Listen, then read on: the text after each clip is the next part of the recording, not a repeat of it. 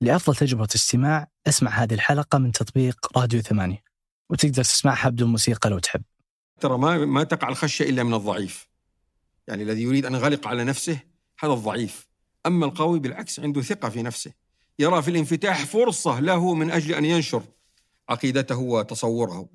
الذي ينغلق ويخشى على نفسه هذا هو الضعيف، الإسلام ليس كذلك، الإسلام دين قوي بذاته فلا يخشى من هذا الانفتاح. بعض اصحاب الأفكار المتشددة والمنغلقة سيحرص على إسقاط هذا القول ب آه، المشايخ ال cute المشايخ الكذا المميعين معنا ما إحنا cute والله. أصدقاء مربع الرائعين السلام عليكم. أنا حاتم النجار وهذا مربع من ثمانية. الاختلاف هو السمة المشتركة بين جميع البشر وهو اللي يخلينا متباينين في الأفهام والأذواق والصفات. ولأن جزء طبيعي من نتيجة هذا التباين هو اختلاف الدين الطائفة أو الاختيار الفقهي. عندي فضول شديد أعرف كيف تعامل الإسلام مع هذا الاختلاف. لذلك جلست اليوم مع ضيفي الدكتور حاتم العوني الشريف لأفهم منه كيف نتعامل مع المختلف عنا في الدين أو المذهب أو حتى الرأي الفقهي. وكيف نعرف الكافر ونتعامل معه حسب مقتضيات الإسلام. ثم حاولت فهم الفرق بين التمييع والتشديد وبين التكيف الحقيقي الواجب من الفقهاء في مستجدات العصر وتغييراته المتغيرة. كانت حلقة ثرية وماتعة ومتأكد أن كثير من قناعاتك ستتغير بعد الاستماع لهذا اللقاء هالموضوع أفهم حساسيته، لأن ما ودك تكون مميع للدين ويفقد أهميته، ولا ودك تكون متشدد وتغلو فيه. ضيفي دكتور حاتم شريف أفنى عمره كامل في محاولة الوصول لهذه الوسطية كما وجدها في ديننا من علمائنا، صحابتنا وسيرة رسولنا عليه الصلاة والسلام. أتمنى انه يعجبكم هذا اللقاء استمتعوا يا رفاق. حاتم العوني الشريف. إيش يعني إنك تكون شريف؟ الشريف عائلة من العوائل أو قبيلة من القبائل تنتسب في العادة إلى الحسن أو الحسين رضي الله عنهما ابن علي بن أبي طالب وفاطمة الزهراء وكيف يأثر هذا على الشخص الشريف؟ مفترض أنه يؤثر عليه نسب شريف يلتقي بعلي بن أبي طالب وفاطمة بضعة النبي عليه الصلاة والسلام فينبغي على الشخص الذي يحمل هذا الشرف أنه يعرف أنه هذا تكليف أكثر من كونه تشريفا أن يمثل هذا النسب يعني أكثر من غيره يعني. فعليه مسؤولية الإسلام عموما ومسؤولية أخرى أنه من ذرية الذي بلغ هذه النبوة والرسالة وهو النبي عليه الصلاة والسلام. لا شك أنه عليه مسؤولية أكبر. وعليه مسؤولية أكبر من جهة يعني إن صح التعبير في الثواب وفي العقاب. فثوابه يرجى أن يكون أكبر وعقابه يخشى أن يكون أشد. نعم. أو كيف تستشعر هذه المسؤولية؟ والله مسؤولية كبيرة. يعني كل إنسان وتربيته وتعليمه وكذا لكن أنا أذكر يعني منذ صغري الوالد كان ينبهنا على هذا رحمة الله عليه. فكان يذكرنا دائما أن هذا النسب بالفعل هو تكليف وأننا لا ينبغي أن ننظر إلى أن لنا على الناس حقا بل أن للناس علينا حق. فللناس علينا حق وليس لنا على الناس حق بهذا النسب الشريف. فلا شك أنه هذا مسؤولية كبيرة يعني ليست مسؤولية سهلة. مثل مسؤولية العلم مسؤولية المال والجاه مسؤولية هذه ونعمة كبيرة على الإنسان أن يستغلها الاستغلال الصحيح ويستثمرها فيما يرضي الله سبحانه وتعالى. بدأت العلم الشرعي وقراءة السنة في المتوسطة. صحيح. كيف كانت البداية؟ وإيش الدافع لشخص متوسط أنه يتابع؟ ممتاز صحيح. آه، حقيقة أنا حبب لي القراءة منذ الصغر يعني كنت أقرأ القصص قصص الأطفال طبعا. وأحب القصص جدا يعني. أذكر أني قرأت في مكتبة اسمها المكتبة الخضراء فيها سندريلا وعقلة الأصبع يعني هذه من ثم كتيبات صغيرة عن قصص الأنبياء أيضا كنت وجدتها في المكتبات يعني متوفرة في منطقتنا واشتريتها. آه، أحب القراءة جدا منذ الصغر يعني. كان في بيت الوالد مكتبة صغيرة. مكتبة عبارة عن يعني دولاب واحد عدد من الرفوف فيها بعض الأمهات يعني من بينها تفسير ابن كثير فيما أذكر الآن. ففي مرة من المرات في مرحلة متوسطة بالفعل أخذت أحد المجلدات وأقرأ به فإذا بأحد المواطن يتكلم ابن كثير عن أخبار أورد روايات كثيرة في السنة النبوية عن علامات الساعة. المسيح الدجال ويأجوج ومأجوج وم... فاستغربت. أنا كنت أسمع هذه الأشياء كنت أظن أنها من قصص الكبار في السن يعني أساطير إن صح التعبير، ما كنت أصدق إنها مذكورة في كتب أهل العلم، وأنا كنت أسمع إنه تفسير ابن كثير تفسير معتمد وكذا، حقيقة كنت أتابع مثلا من المشايخ في تلك الفترة الشيخ علي الطنطاوي في برنامجه نور وهداية. فكان من حين لاخر يذكر أسماء بعض الكتب فينبهني إلى أهمية بعض الكتب والكذا. فاستهواني هذا الأمر فأخذت دفتر وابتديت أكتب كتبت هذه العلامات من علامات الساعة وصرت ودي أني أعرف بقية علامات الساعة. فرياض الصالحين وجدت في آخره أيضا شيء من علامات الساعة كتبتها ابتديت اهتممت بالموضوع هذا اهتمام كبير جدا. فكان هذا هو مدخلي سبحان الله إلى حب علم علم السنة وقراءة السنة والأحاديث ومعرفة الصحيح من الضعيف. لأن بعد ذلك طبعا عرفت أنه ليس كل ما يروى من في الكتب صحيحا وأنه فيها صحيح وفيها ضعيف. فابتديت بالعناية بهذا الموضوع عناية شخصية طبعا إلى أن دخلت الجامعة وقبل ذلك طبعا بعض الدروس من خلال يعني بعض المشايخ والكذا ثم الجامعة والماجستير والدكتوراه وما إلى ذلك. نعم. اعتزلت عشر سنوات. صحيح. ما قصة العزلة هذه؟ والله هذه العزلة تقريبا هي من آه، سنة 1404 آه، اللي هي تقريبا بداية دخول الجامعة. إلى سنة 1414 تقريبا أو شيء من هذا القبيل يعني. آه، وكانت بالفعل بسبب حب العلم والانشغال بالعلم. ويعني أنا من الأساس ترى لست بكثير الخلطة يعني من منذ الصغر يعني. قليل الخلطة لست كثير الأصدقاء والأصحاب والكذا. ثم وجدت في الكتب متعة كبيرة جدا يعني وأشباع لرغبه واكتشاف مجهول وزيادة علم وثقافة وكذا. وبالفعل شعرت أنها أفضل صديق الكتاب. فاعتزلت معها اعتزالا كبيرا جدا والحقيقة إني الهدف كان عندي واضح يعني أنا كنت أريد أن أكون مختصا شرعيا وفي السنة النبوية على وجه الأخص. فالهدف كان عندي واضح يعني ما كنت مشتت الأفكار والكذا والهذا. عندي عناية بالسنة النبوية والعلوم الشرعية عموما ثم الأدب ثم التاريخ. يعني حتى لما جيت أقدم للجامعة كنت أقول إذا ما قبلت في قسم السنة سأختار الأدب إذا ما قبلت في الأدب سأختار قسم التاريخ. ف يعني بالفعل وجدت في الكتاب خير جليس عكفت عليه عكوفا كبيرا جدا. يسر لي هذا الأمر كما ذكرت لك أني لست بحريص على كثرة الخلطة والأصحاب والأصدقاء والخروج والدخول وكذا والهذا لا. آه، ويسر الله عز وجل لي أيضا زواجا مبكرا واستقرارا في مكة وكذا وزوجة صالحة أسأل الله عز وجل أن يحفظها. أعانتني يعني في طلب العلم وصبرت على طلبي للعلم وقلة ذات اليد في فترة من الفترات وكذا. آه، يعني حقيقة استطاعت أنها تعينني أكبر إعانة. يعني حتى عزلتي مع الكتاب كانت تقول حتى تقول هذه الكتب أكثر من الضرات. أنت تنشغل معها أكثر ما يعني ينشغل المتزوج بأكثر من امرأة أو كذا. فأعانتني إعانة كبيرة جدا. طبعا قبل ذلك الوالد حفظه ورحمه الله عز وجل كان أعانني بالمال أشتري الكتب وكذا وكونت مكتبة ممتازة. فهذا هو يعني قصة العزلة الأولى هذه التي كانت فترة تأسيس الأساسية لدي في العلم الشرعي. نعم. هل يعني هناك عند العلماء طريقة كلاسيكية صح التعبير في طلب العلم أو العزلة ثم التصدر. فهل ترى أن هذا النموذج صحيح في الجانب العلمي؟ آه، لا شك عندي أنه هذا نموذج مهم جدا. ما أستطيع أقول هو النموذج الواجب على كل شخص. يعني ممكن ظروف بعض الأشخاص مختلفة. لكني بالفعل يعني سير كثير من أهل العلم. هو كذلك يعني التصدر أو بعبارة أدق الطمأنينة إلى أنك حصلت شيء من العلم يمكن أن ينفع الناس.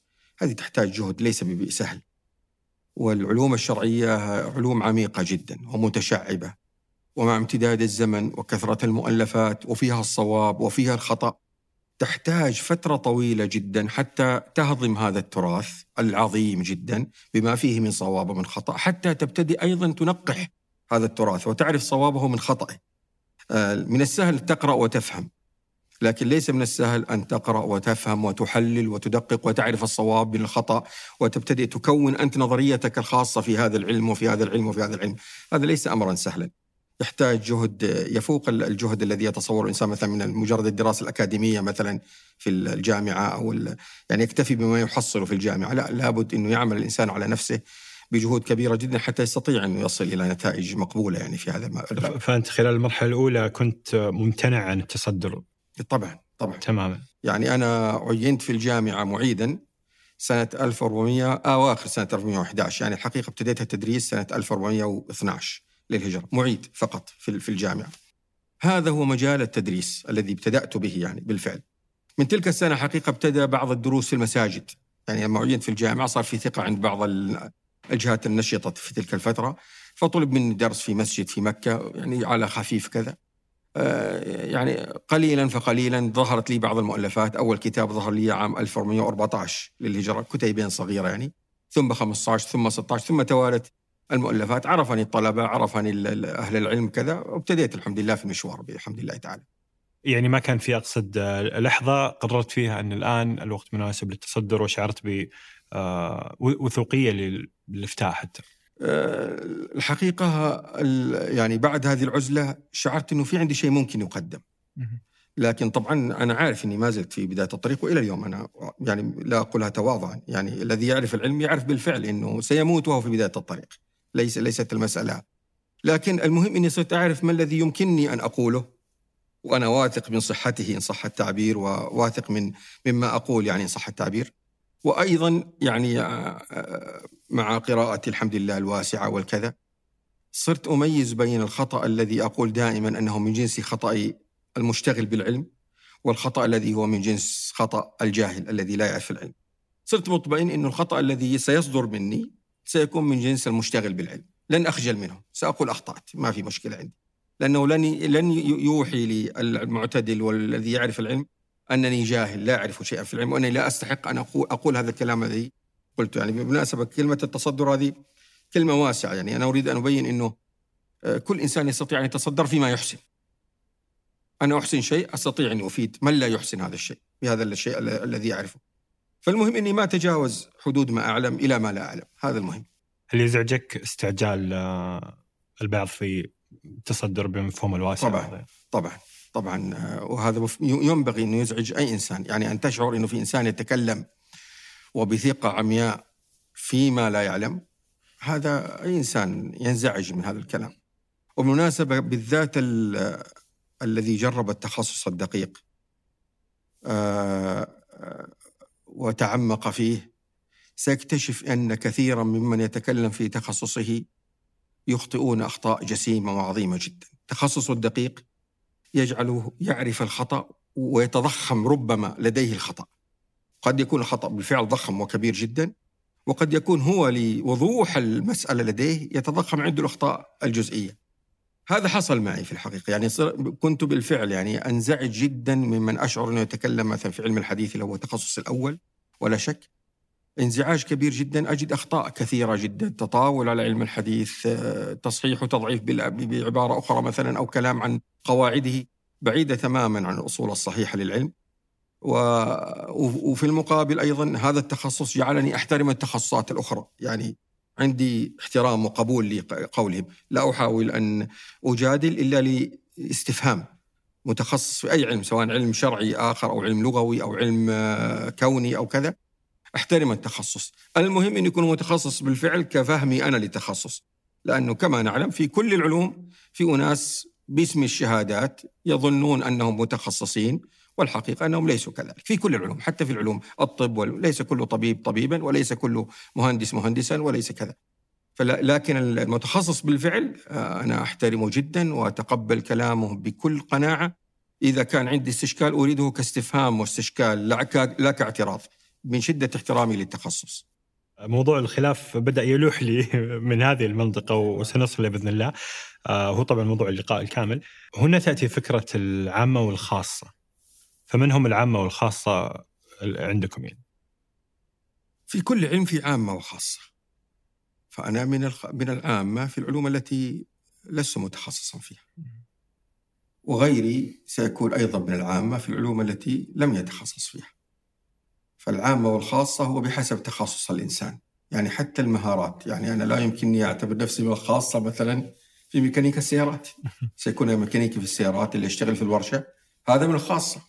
وسأسلم له. كلنا نفعل هذا. يعني من أذهب بسيارتي للميكانيكي في الورشة.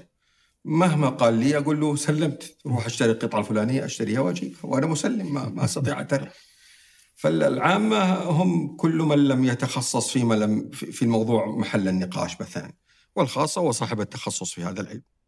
بس العلم الشرعي شيء آه، مارسه أنا. يعني أنا ما عندي آه، ماني متخصص وماني من خاصة علماء الشريعة بس أنا أمارس علم يعني أمارس العبادة وامارس آه، معرفة الله ومحبة الله والخوف منه وكذا.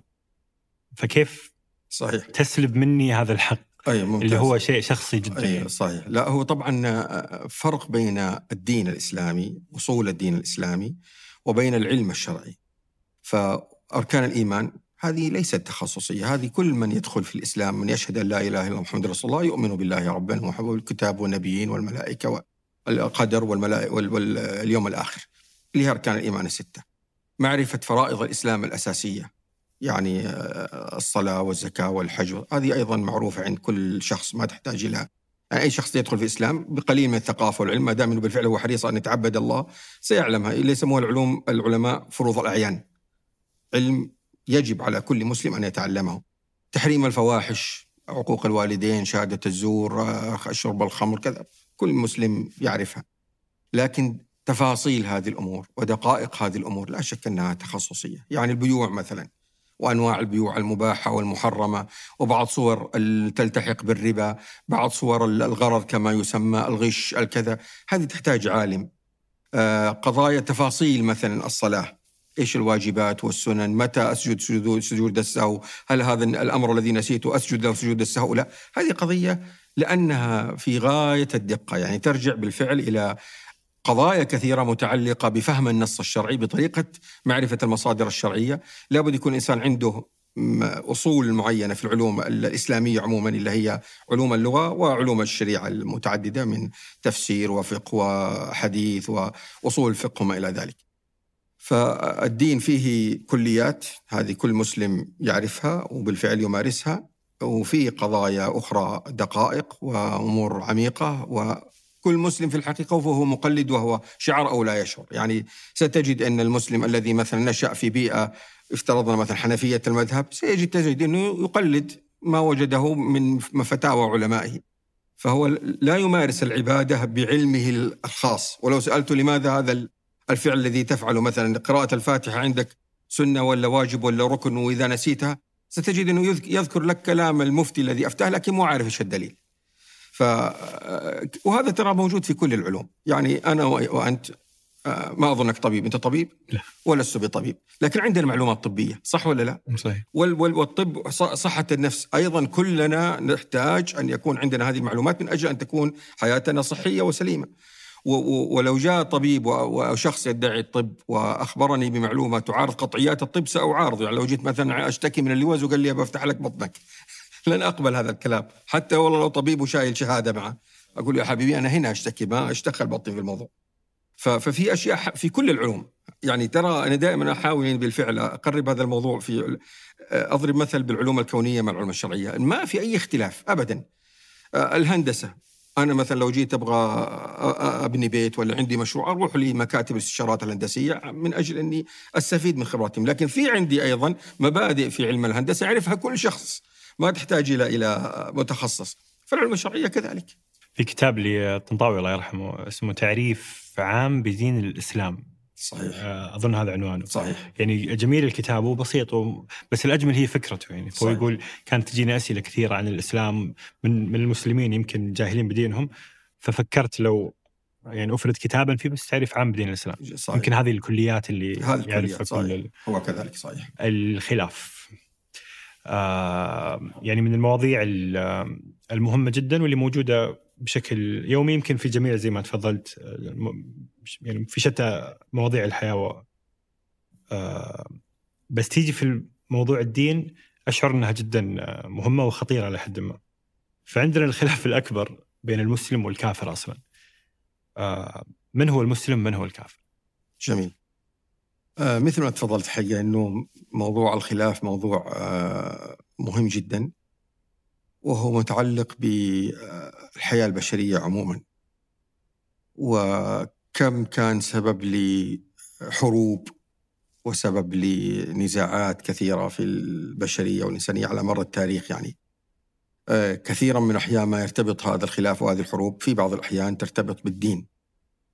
حتى الحروب أو الخلافات التي قد تكون أطماع مثلا إمبراطورية تريد أن تستولي على ثروات في دولة أخرى أو إمبراطورية أخرى أو كذا ستجد إنه أيضا الدين سيستثمر في مثل هذه الحروب والأطماع استثمارا كبيرا جدا. في واقعنا الإسلامي أيضا نحن نلاحظ ونرى طبعا كم من قامت من فتن ومشكلات كثيرة بسبب طائفيه مثلا داخل الكيان الإسلامي. حتى الخلافه الفقهيه اللي هي دوائر الخلافه الثلاثه المهمة يعني الخلافه الإسلامي غير الإسلامي، الخلاف داخل دائرة الإسلام آه، بين السني والبدعي كما يقال يعني. الدائرة الثالثة اللي هي آه، خلاف الفقهي في دائرة أهل السنة كخلاف مثلا المذاهب الأربعة وغيرها. فموضوع الخلاف ودائرته جدا مهمة ومحاولة معرفة موقف الإسلام من هذه الدوائر الثلاث بالنسبة لسؤالك وهو قضية آه، من هو المسلم والكافر؟ ما أظن في مسلم آه، تخفى عليه هذه المعلومة. المسلم هو من آمن بالله ربا ومحمد رسولا بإسلام دينا معنى آمن يعني صدق ورضي وأذعن. يعني يؤمن بأن الله عز وجل هو الواحد الأحد لا إله إلا هو. يؤمن بأن محمد عليه الصلاة والسلام هو المبعوث رحمة للعالمين. آه، رسالته هي الرسالة الخاتمة المهيمنة على كل الرسالات السابقة. يؤمن أن الإسلام هو الدين الذي أراد الله عز وجل أن يكون هو طريق هذه البشرية بعد بعثة النبي عليه الصلاة والسلام إليه وإلى سعادة الدنيا والآخرة. هذا المسلم. كل من فقد شيئا من هذه الأمور الثلاثة فلو وحد لكنه لم يؤمن بالنبي عليه الصلاة والسلام لا يكون مسلما. لو وحد وآمن صدق بالنبي لكن ما اذعن الاسلام، يعني ما يرى أنه واجب عليه أن يتبع شريعة الإسلام ويتبع القرآن الكريم سيكون أيضا آه، غير مسلم. فالإسلام أو المسلم هو من آمن بالله ربا واحدا احدا لا إله إلا هو وبمحمد خاتم الأنبياء والمرسلين عليه الصلاة والسلام. وبالإسلام وتعاليمه عنده إذعان وقبول ورضا بأحكام الإسلام حتى لو عصى.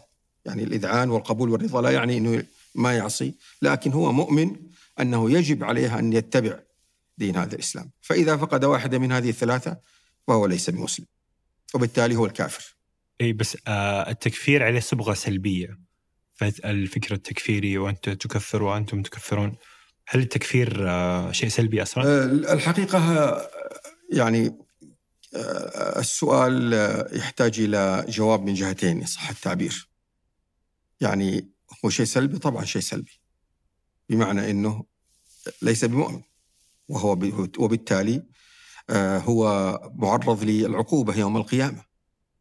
لكن ليس سلبيا من الجهة التي تقولها أنت من يعني من جهة إنه نحن لسنا مطالبين بأننا نقيم عقوبة الله عز وجل التي سيدخرها الله لغير المسلم في الآخرة أن نقيمها عليه في الدنيا.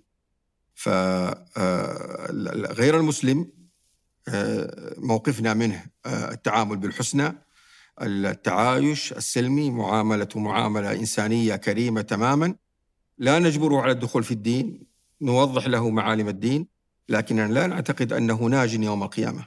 نعتقد أنه إذا مات وقد قامت عليه الحجة الرسالية أنه ليس بناج يوم القيامة. نعم. يعني الكفار هل من مقصد هل مقصد من مقاصد الشارع الله سبحانه وتعالى أن يكون في كفار دائما؟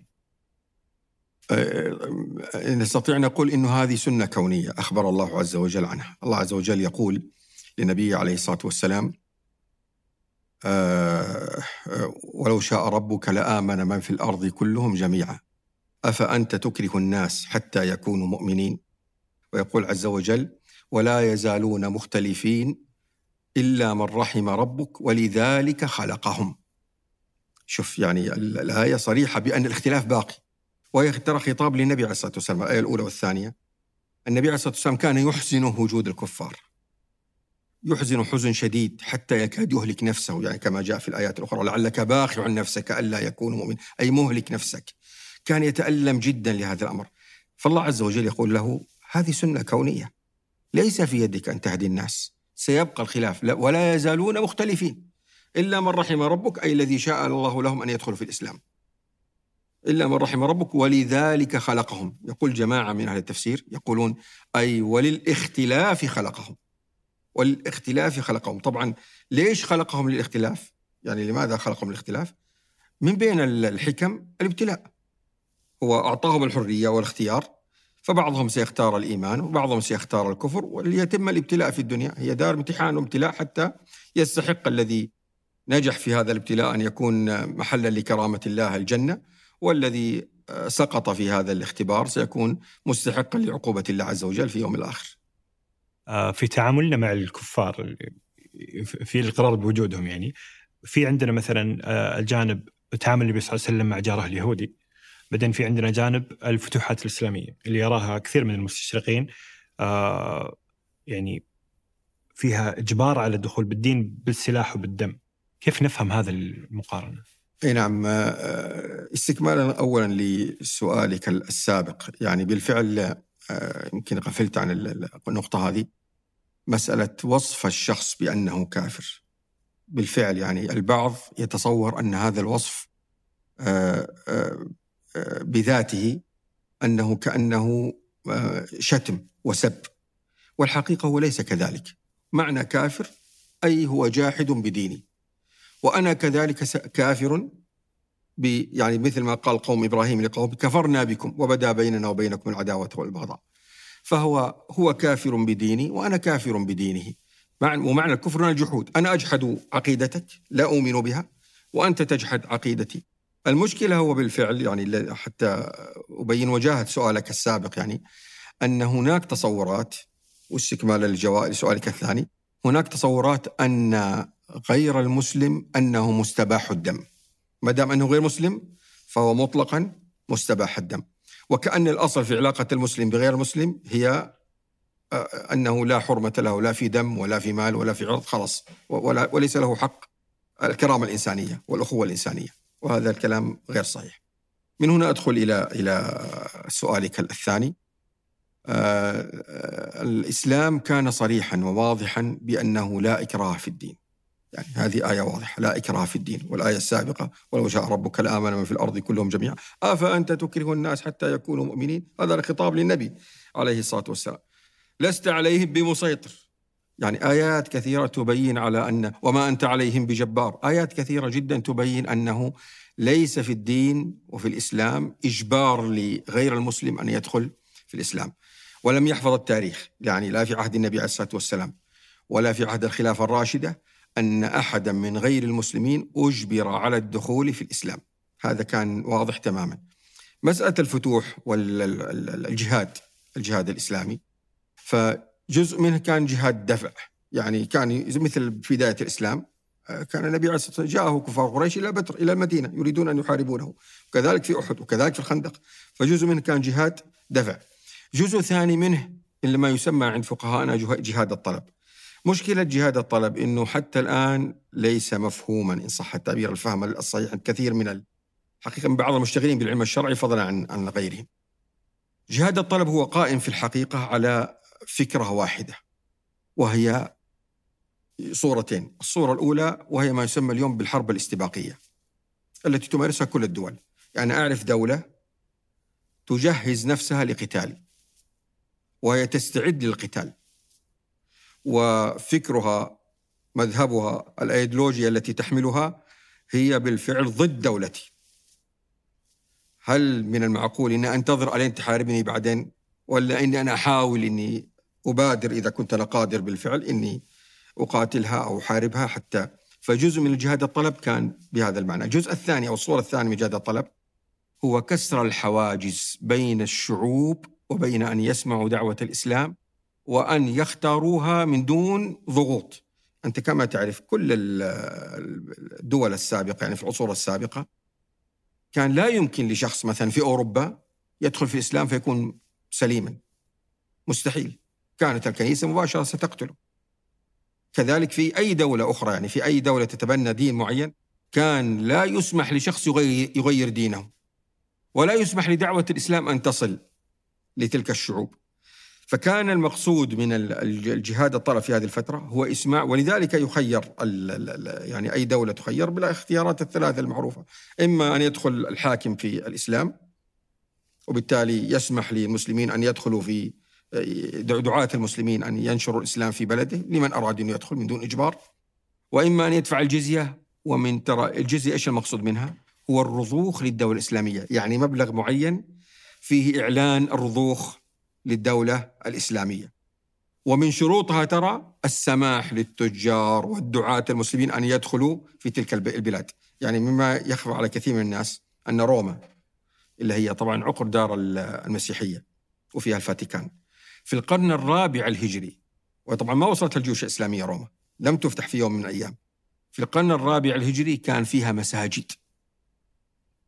طبعا كان يدفع الدولة البيزنطية الرومانية اللي كانت في فرعها الغربي كانت تدفع الجزية. من يدفع لمن؟ الدولة الرومانية للمسلمين في فترة قوة المسلمين.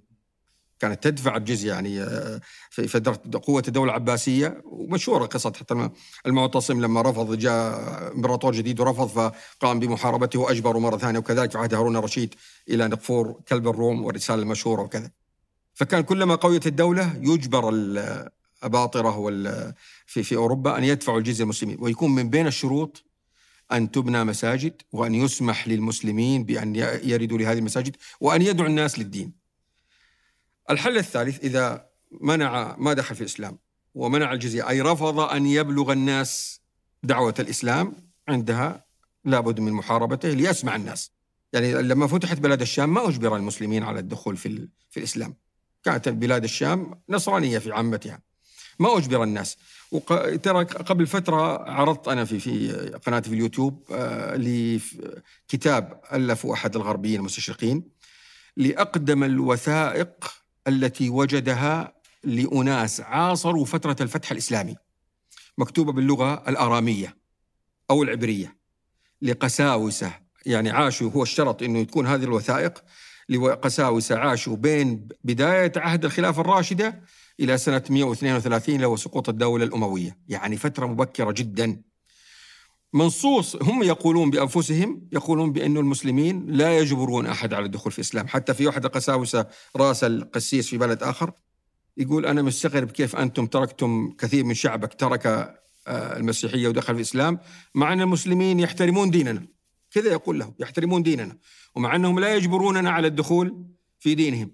هم ثم يقول له لو أنهم طلبوا منكم نصف ما تملكون يعني إشارة الجزيه إنه لو بلغت الجزية نصف ما تملكون وهي لم تكن كذلك يا أمر رمزي. يقول لو بلغت نصف ما تملكون لما جاز لكم أن تتركوا دينكم وتدخلون في الإسلام. فكان بالفعل شهادات نفس من كان يعيش وهذا الواقع وهذا الفقه الإسلامي، يعني إن وجدت حالات أو وجد حاكم ظالم وأجبر الناس على تغيير دينهم هذا عندنا نحن غلط، يعني في ديننا وفقهنا إنه هذا التصرف غلط، والحقيقة إنه في بداية الفتوح الاسلاميه هذا لم يسجل على أحد من الخلفاء أو الحكام أنه أجبر الناس على الدخول بالإسلام، بل في عصور متأخرة نوعا ما يعني في القرن السادس والسابع وجد بعض الحكام كان لا يريد من الناس أن يدخلوا في الإسلام من أجل أن يدفعوا الجزية. صار العكس يعني مجدي اقتصاديا مجدي يعني. اقتصادية أكثر يعني يفتح بلد يقول له خليكم على دينكم وأدفعوا الجزية لأني أنا أبغى املي خزينة يعني لهذه الدرجة.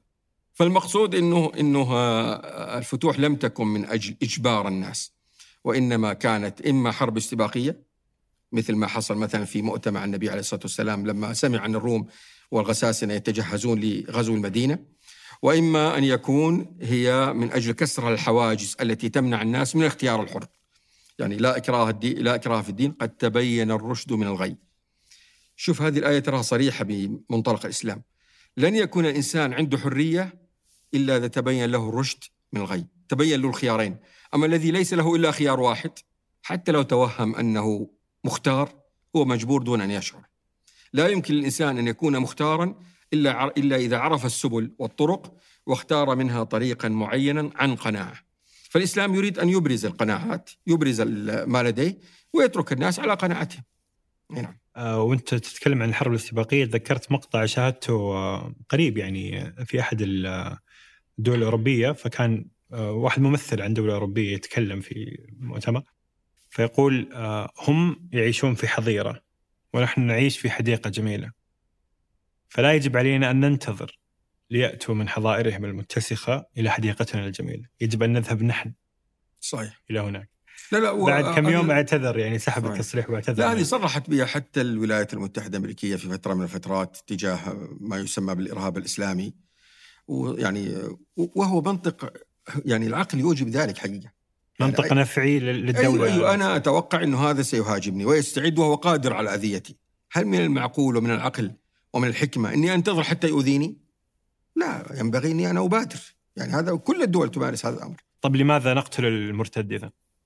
آه، جميل. آه، مسألة قتل المرتد أولا المرتد لي ليس كافرا من الأساس. هو كان مسلم. ويعلن الإسلام.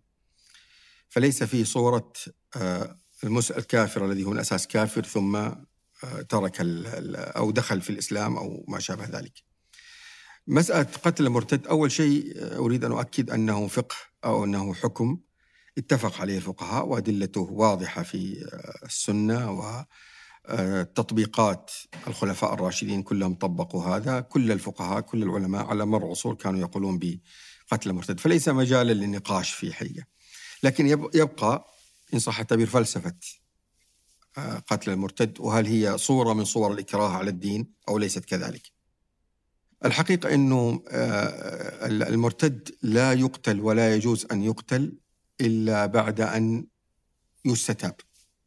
صورة الاستتابة غير واضحة أيضا عند من لا يعرف حقيقة الاستتابة. صورة الاستتابة ما هي؟ هي أن يحاور هذا الشخص ويجادل ويناقش ولا وليس لها أمد معين يعني ليس لها لا, لا كما قال بعض الفقهاء ثلاثة أيام بل هي مفتوحة. يجادل هذا إذا عنده شبه تزال. إذا عنده آه، شكوك ينبغي أنه بالعلم وبالقناعة والكذا تزال كلها. فإذا بعد ما استمرينا شهر شهرين ثلاثة أربعة في محاورته يعني أهل العلم يحاولون والقادرون على محاورته على محاورته. طبعا نحن عندنا قناعة كاملة كمسلمين أن هذا هو الحق وأننا قادرون على الإقناع به. فإذا بعد فترة تبين أنه معاند وأنه يعرف الحق ويصر على الباطل عندها هذا يستحق العقوبة. هل العقوبة هي الإعدام أو دون الإعدام؟ هذا ستختلف في الأنظار. يعني سأبين لك بصورة أخرى. كل حضارة من الحضارات لها أسس. لا تقبل لأحد أن يمس هذه الأسس. يعني مثلا في أوروبا لو أنه خلي حتى الأسس يعني الآن بعض القضايا مثلا المعاصرة مثلا لو أن الآن في أوروبا قضية مثلية مثلا لو أن إنسان أبدى عدم رضا عن هذا الأمر مباشرة يصنف أنه عنصري وممكن إذا كان أستاذ جامعي ممكن يفصل ويحاكم وكذا وهي قضية جزئية لكن لماذا؟ لأنهم ربطوها بفكرة الحرية اللي هي مبدأ أساسي في الحضارة الغربية الحرية المطلقة المزعومة التي عليها بنيت الحضارة الغربية فليس عندهم أي تسامح مع شيء يهدد أساس حضارتهم وهي ما س... اللي قامت طبعا بالثورة في أوروبا الثورة الفرنسية وغيرها الحرية العدالة المساواة حسب فهمي من الحرية والعدالة والمساواه. ف أو مثلا في في فترة من فترات يوم كان الاتحاد السوفيتي لن يقبل أحد يأتي بفكر راسمالي يطبقه في بلده. في الفكر الراسمالي لن يسمحوا بتسلط الدولة في بما يهدد فكرة الراسماليه التي قام عليها اقتصادهم. فكل دولة أو في كل حضارة لها أساس لهذه الحضارة، حضارة الإسلام قامت على ماذا؟ على لا إله إلا الله محمد رسول الله. فأي شيء يهدد هذه الحضارة هذا الأساس سيكون مصدر خطر كبير جدا، يعني خيانة عظمى. لذلك أنا أقول لك الشخص الذي يقتل في الإسلام بالردة هو من تبين أنه تبنى هذا الرأي لا عن قناعة. لو عن قناعة نحن نناقشه ونستمر في حواره. إلى أن يتبين أنه معاند، قد يقول قائل يعني إنه كيف عرفنا أنه معاند؟ هل إذا عجز عن الجواب؟ لا، ما هو إذا عجز عن الجواب، نأجل نقول له ما, ما أنت قادر تجاوب هيقعد أسبوع فكر في الجواب وتعال لنا مرة ثانية. هل ممكن نصل إلى أنه معاند من دون أن يصرح؟ نعم، ممكن. لو أنت الآن مع شخص واقفين في وسط الشارع في الظهر وقلت له هل ترى الشمس؟ والشمس أمامك، قال لا ما في شمس. هل ستشك إنه معاند؟ يعني في صورة من صور العناد لا تحتاج إلى إلى إلى إلى تصريح أنني معاند. كل عاقل يفهم أنه معاند. فإذا تبين إنه هذا الشخص بالفعل ترك الإسلام لا عن قناعة إذا سيكون هذا غاش عنده أطماع يريد إثارة فتنة. لا عن قناعة يستحق أشد عقوبة لأنه يهدد أساس الحضارة الإسلامية. هل آه، في تاريخ الحضارة الإسلامية تم تطبيق هذه العقوبة؟ طبعا بكثرة. بدءا بحروب الردة لأبي بكر رضي الله عنه إلى امتداد التاريخ في زمن الخلفاء الراشدين جميعا. مثل ما ذكرت لك يعني يعني ثابت بالفعل أن أبا بكر طبقه على الأفراد فضلا عن حروب الردة وعمر كذلك على الأفراد وكذلك عثمان وعلي وكل الفقهاء. لم يقع خلاف ابدا بين العلماء إلا عند أبي حنيفة في المرأة المرتدة. أبو حنيفة قال المرأة المرتدة إذا ارتدت فإنها تسجن حتى تعود للإسلام. يعني مو تطلق أيضا تسجن حتى تعود في الإسلام. وبنى هذا على أثر رواه عن ابن عباس. يعني هذا مضمونه. نعم. الكافر كيف يعيش داخل الدولة المسلمة؟ آه، طبعا الدولة الإسلامية آه، مثل ما ذكرت سابقا بالذات بعد الفتوح الإسلامية آه، دخلت بلاد الشام مصر العراق منطقة فارس خراسان شمال إفريقيا كلها لم تكن يعني شعوب مسلمة. كانت شعوب غير مسلمة. استوعبتها استوعبت هذه الشعوب جميعا بما يسمى قديما في الفقه الإسلامي بأحكام أهل الذمة مثل ما ذكرت لك يعني يعطون الحرية الكاملة بممارسة عقائدهم تحمى معابدهم. تخيل يعني في الدولة الإسلامية المسلم يموت في الدفاع عن الكنيسة إذا جاء أحد يعتدي عليها. المسلم اللي هو حرام الدم وإنه يعني لزوال الدنيا كما جاء في بعض الروايات أشد عند قتل مسلم أشد عند الله من زوال الدنيا وإن كان الحديث فيه ضعف يعني.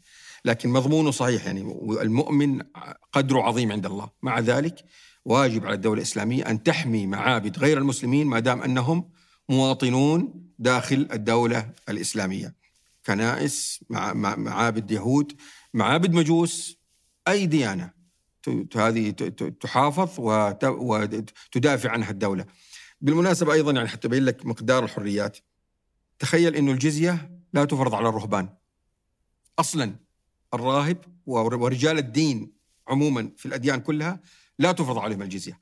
لو كانت الجزية مفروضة من أجل إجبارهم على تغيير الدين لكان أولى من تفرض عليه الجزية وتغلظ هم قادة الدين غير الإسلامي يعني سواء كان نصارى أو يهود أو غيرهم أو كذا. الواقع أنه لا تفرض. لا تفرض الجزية على كبير في السن أو المرأة أو الصغير أو المريض أو لا تفرض إلا على القادر على الكسب كنوع من الضريبة التي يقدمها المسلم يقدم الزكاة هذا يقدم وفي المقابل يحمى غير مطالب بالدخول في الجيش. لو جاءت دولة تريد أن تغزو بلاد المسلمين والمنطقة مثلا كل فيها غير مسلمين واجب على الجيش المسلم أن يدافع عنهم عن هؤلاء الأشخاص. ف يعني آه، تحفظ لهم كرامتهم. أنا أذكر حقيقة أني نقلت مرة كلام لأحد العلماء وهو الإمام القرافي في كتابه الفروق وهو إمام توفي في القرن السابع الهجري متقدم يعني. آه كتب تقريبا ما يزيد على والله صفحتين. في كتاب اسمه الفروق له يتكلم فيها عن حقوق غير المسلمين في الدولة المسلمة.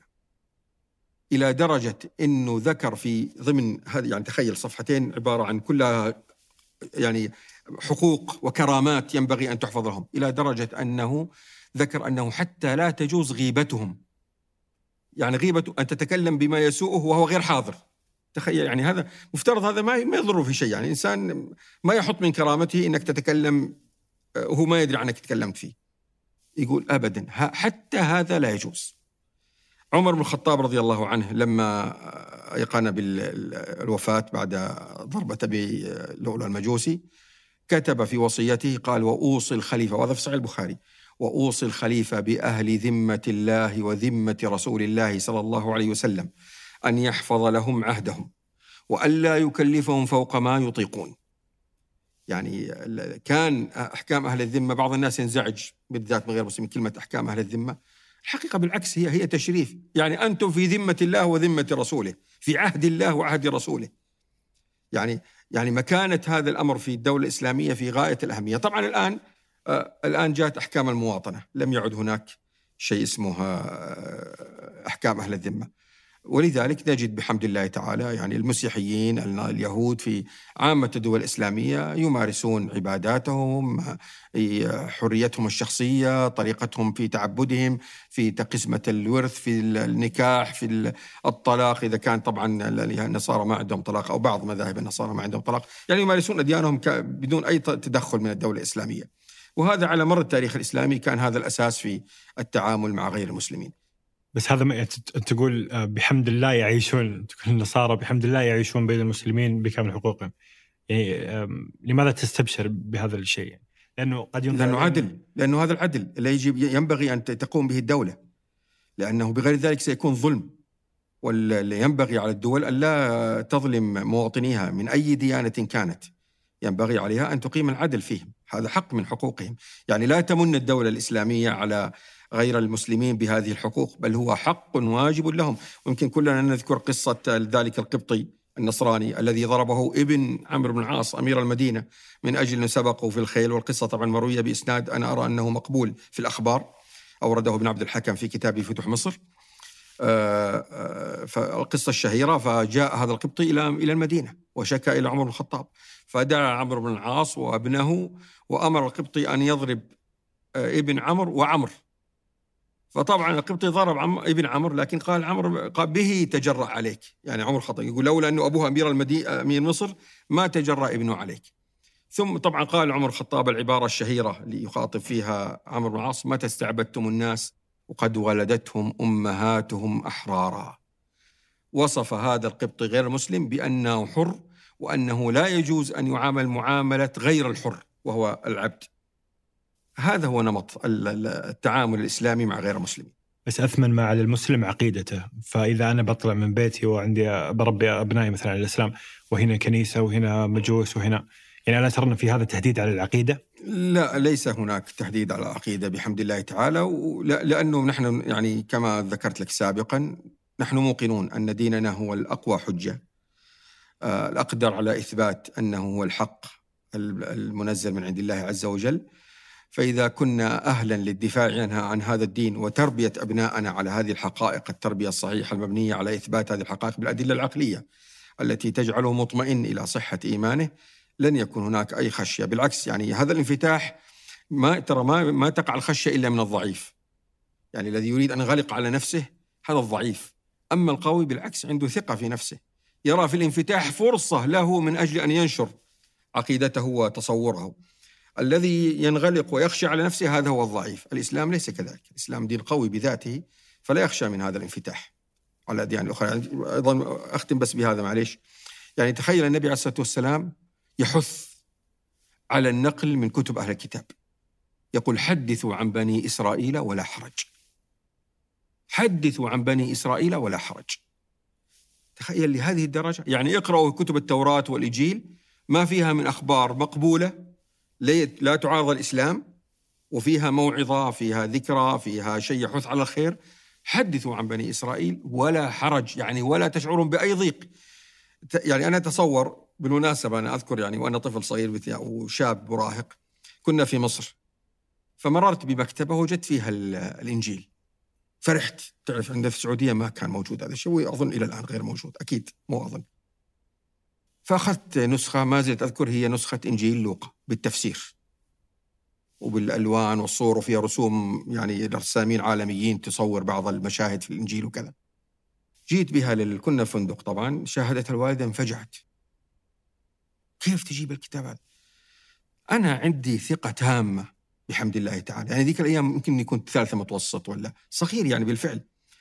يا جماعة قلت لهم يعني هل معقول إني إذا قرأت الإنجيل سأشك في القرآن. الفرق بينهما كالفرق بين الشمس وما سواها. يعني فالحقيقة بالفعل أنه المسلم المطلع والعارف بدينه لن يخشى عليه أبدا من أي ديانة أخرى. بل سيكون انفتاح الديانات الأخرى وانفتاح الديانات الأخرى هو مهدد لها ليس مهدد له إن صح التعبير. نعم. بس هل هذا يستوي عند ما سميناه بالعامي والخاص؟ يعني تقول في المتوسط إذا ممتاز صحيح. إذا نشئ الناس وأنا هذا الذي أدعو إليه في الحقيقة إذا نشئ الأجيال على تثبيت المحكمات الأساسية هذه تثبيت حقيقي بالأدلة العقلية التي لا تحتاج إلا إلى عقل حتى تدرك صحة هذا الكلام. لن يخشى عليهم أبدا. الحقيقة لي كتاب مطبوع كان طبع أولا في رابط العالم الإسلامي بعنوان المحكمات صمام أمن الأمة وأساس الثبات. يعني مثلا أولا وحدانية الله عز وجل أن الله واحد أحد. اثنين صحة النبوة. ما يصح أجي للمسلم أقول له مثلا إذا أردت أن تخاطب شخص لا يؤمن بالنبي عليه الصلاة والسلام كيف تثبت له صحة النبوة؟ في كثير من الأحيان أجد على قولك الشخص العامي ما عنده جواب. هو نفسه ما يستطيع يثبت لنفسه. أنا ليش أقول هذا الكلام؟ لأنه هو إذا هو مقتنع يقول لي الآيات والأحاديث طيب أنت تكلم شخص لا يؤمن بالآيات ولا بالأحاديث. ينبغي يكون عندك أنت أدلة من غير الآيات والأحاديث لتستطيع أن تدعو بها هذا الشخص ولتثبت أنت إيمانك أيضا. لو جاتك الوساوس والشكوك تستطيع أنك تدفعها أنت بهذا بهذه الدلائل العقلية التي تدل بالفعل على صحة النبوة على أن القرآن محفوظ وليس محرفا. هذه القضايا الكبرى هي في الحقيقة مما ينبغي أن يدرس في التعليم الإجباري. وأنا ما زلت أرى أنه في قصور كبير حتى في مناهجنا الدينية على عنايتها بالتفاصيل إلا أن هذه الأصول والمحكمات ما زال في تقصير كبير في تثبيتها في قلوب أبنائنا. وأعود وأكرر نحن لا نريد أن نقول له دليل صحة النبوة أجيب آية وحديث ما ينفع هذا. أريد أن آتي بالأدلة العقلية القاطعة بصحة نبوة النبي عليه الصلاة والسلام وبتثبيت هذه المحكمات الأساسية في في الدين الإسلامي الوحدانية الله عز وجل وجود الله اولا طبعا ثم وحدانيته سبحانه وتعالى ثم صحة النبوات ثم صحة نبوة يعني صحة أصل النبوات انه هناك نبوات سابقة ثم صحة نبوة النبي عليه الصلاة والسلام وأنها النبوة الخاتمة وأن شريعته باقية محفوظة بحفظ القرآن الكريم والسنة المشرفة العطره. هذه القضايا إذا ثبتت عند المسلم وهي ممكن. إذا درست من الفترة المتوسطة والثانوي تصبح قناعات راسخة عند المسلم يصبح لا تخشى عليه إرمه في أي بل سيكون داعي إلى الإسلام ولو لم يشأ. يعني لو ما ما أحب سيكون داعي للإسلام بغير شعور. هو بحياته وبقناعاته سيصبح داعي إلى الإسلام. نعم. نعرف الولاء والبراء وحكم محبة الكافر وكذا. ما أعرف أنا يعني في طفولتي أذكر أنه كان يعني يترسب في ذهني مفهوم أنه لا يجوز أن أحب الكافر يجب أن أكره الكافر وكذا. نعم. فما, فما أعرف موقفكم من هذه الفكرة. صحيح آه، الحقيقة بالفعل أنه هذه العقيدة إن صح التعبير أنها أيضا شوهت عند المسلمين قبل يعني لا أدعي أنها شوهها الغرب مثلا وادعى على الإسلام ما ليس فيه. للأسف هناك كتب صدرت وما زالت تصدر هي خاطئة في تصوير. حقيقة عقيدة الولاء والبراء. الولاء هو في بكل سهولة يعني أبسط المعلومة هو الحب والنصرة لله عز وجل ولرسوله ولدينه وللمسلمين والمؤمنين. أن تشعر بينك وبين إخوانك المؤمنين بمحبة و... وأنك مطالب بأن تعاملهم أنهم إخوة لك في دينك ومحبة الله ورسوله وكتابه ودينه. البراء هي البراءة من كل ما عبد من دون الله من كل نبي متنبئ كذاب أو زعيم ديانة إن صح التعبير كذاب وأن تبغض كفر الكافرين. ما هو الكافر؟ تبغض كفر الكافر. أما الكافر فحسب تعامله معك. إن كان عدوا فطبيعي ستعاديه وتبغضه. وإن كان تعامله معك حسن يجب بل لا أقول يجب. خلق الإنسان على محبة من أحسن إليه. يعني تخيل إنسان مثلا أسلم وأبواه كافرا. هل معقول أنه يطالب ببغضهما لا يستطيع لا يكلف الله نفسا إلا وسعها. إذا كان أبوه وأمه لا احسنوا إليه. ولذلك حتى في كتاب الله عز وجل وإن جاهداك على أن تشرك به ما ليس لك به علم فلا تطعهما وصاحبهما في الدنيا معروفا. بالمناسبة هذه الآية يعني آه، أدخلها العلماء في قضية فقهية وهو فيما لو كان في قتال بين المسلمين والكفار مثل ما حصل في غزوة بدر وغيرها. ففوجئ الابن بأن أباه المشرك الابن المسلم وأباه المشرك أمامه. هل يقتله؟ فعامة الفقهاء رأوا أنه ينبغي عليها الإعراض عنه وأنه لا يصح أن يقتله. مستنبطة من هذا. قالوا إذا ربي قال فصاحبه ما في الدنيا معروف. أي معروف أنت تبغى تقتله؟ أنت ما ما طبقت الآية أبدا. اتركه غيره يقتلك ولا يقتله ولا خلاص ولا ينجو. عسى أنه إذا ابتدى به العمر ربي يهديه. لكن أنت تسعى لقتله هذا معارض لقوله تعالى آه، فصاحبهما في الدنيا معروفة تخيل هذا في في الأب الذي يجا أو الوالدين اللذان يجاهدان الإبن في أن يترك الإسلام. يعني حتشوف التعبير وإن جاهداك على أن تشرك. مو مجرد دعواك لا بذلوا كل الجهد من أجل أن تكفر بالإسلام. لا تطيعهما هذه خلاص مبتوتة بيبغى لها كلام لكن مع ذلك صاحبهما في الدنيا معروفة. وطبعا قصص كثيرة في السيرة النبوية وكذا. أسماء بنت أبي بكر جاءتها أمها وهي زوجة كانت زوجة لأبي بكر طلقها في الجاهلية. أسماء بنت أبي بكر أمها ليست هي أم عائشة نفسها. مختلفات في الأمهات. فجاءتها أمها وهي مشركة إلى المدينة. فاستشارت النبي عليه الصلاة والسلام. يعني أبرها وعاملها بالبر أمرها أن تبرها. عمر بن الخطاب مرة جاته هدية فأرسلها لابن عم له في مكة بشرك يتقرب إليه يودده في الإسلام. فكان واضح يعني علاقة هذا. ثم يعني كما ذكرت سابقا الحب الطبيعي هذا ليس في اليد. تخيل مثلا إنسان مريض وراح للعلاج مثلا في أوروبا أو في بلدنا أو كذا ولا الذي عالجه غير غير مسلم. وجد من الطب الطبيب هذا الذي عالجه من الشفقة والحرص والكذا حتى أنقذه من الموت ومن الآلام هل يمكن هذا الإنسان ما يحب هذا الشخص؟ يستحيل.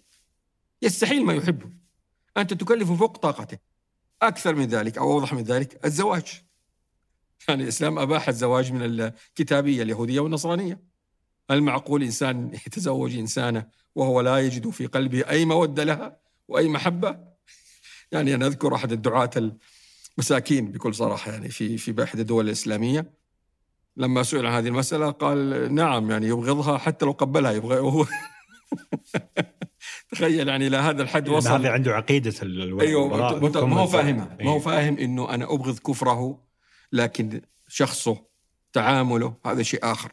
أنا لا أحب دينه لكن هذا ما له علاقة بشخصه إذا كان محسنا إلي إذا كان في صفات حسنة إذا كان مبدع حتى لو ما أحسن إلي.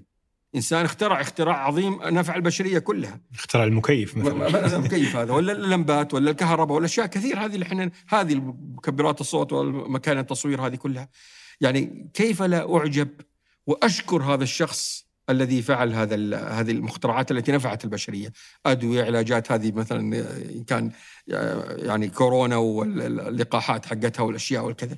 كل هذه أشياء ينبغي أن يشكر عليها هؤلاء الناس. ومن نجا من من أضرار بعض هذه الأشياء أو تمتع بهذه النعم التي هي من اختراع غير المسلمين هو بلا شعور سيحب عمل هؤلاء الأشخاص وما احسنوا فيه للبشرية. نعم، فالولاء والبراء ليس لا علاقة له ب إن صح التعبير بالأشخاص إلا إذا كانوا معتدين. يعني أنا إنما أبغض الكافر إذا كان معتدي. أما إذا لم يكن معتديا فالأصل فيه بالعكس هو التعامل بالحسنى والتعامل بال... وإذا كان أحسن إلي أو في داعي للمحبة بيني وبينه يعني الرجل إذا تزوج المرأة إما لجمالها أو أخلاقها يحبها لجمالها لأخلاقها لعقلها ذكائها لكذا فسيحبها ويتزوجها. قطعا هذا جائز شرعا ولا يقوم النكاح أصلا إلا على ذلك. ففكرة أن البراء يقتضي بغض الكافر مطلقا هذا تصور خاطئ. هذه التصورات كيف انبنت عندنا؟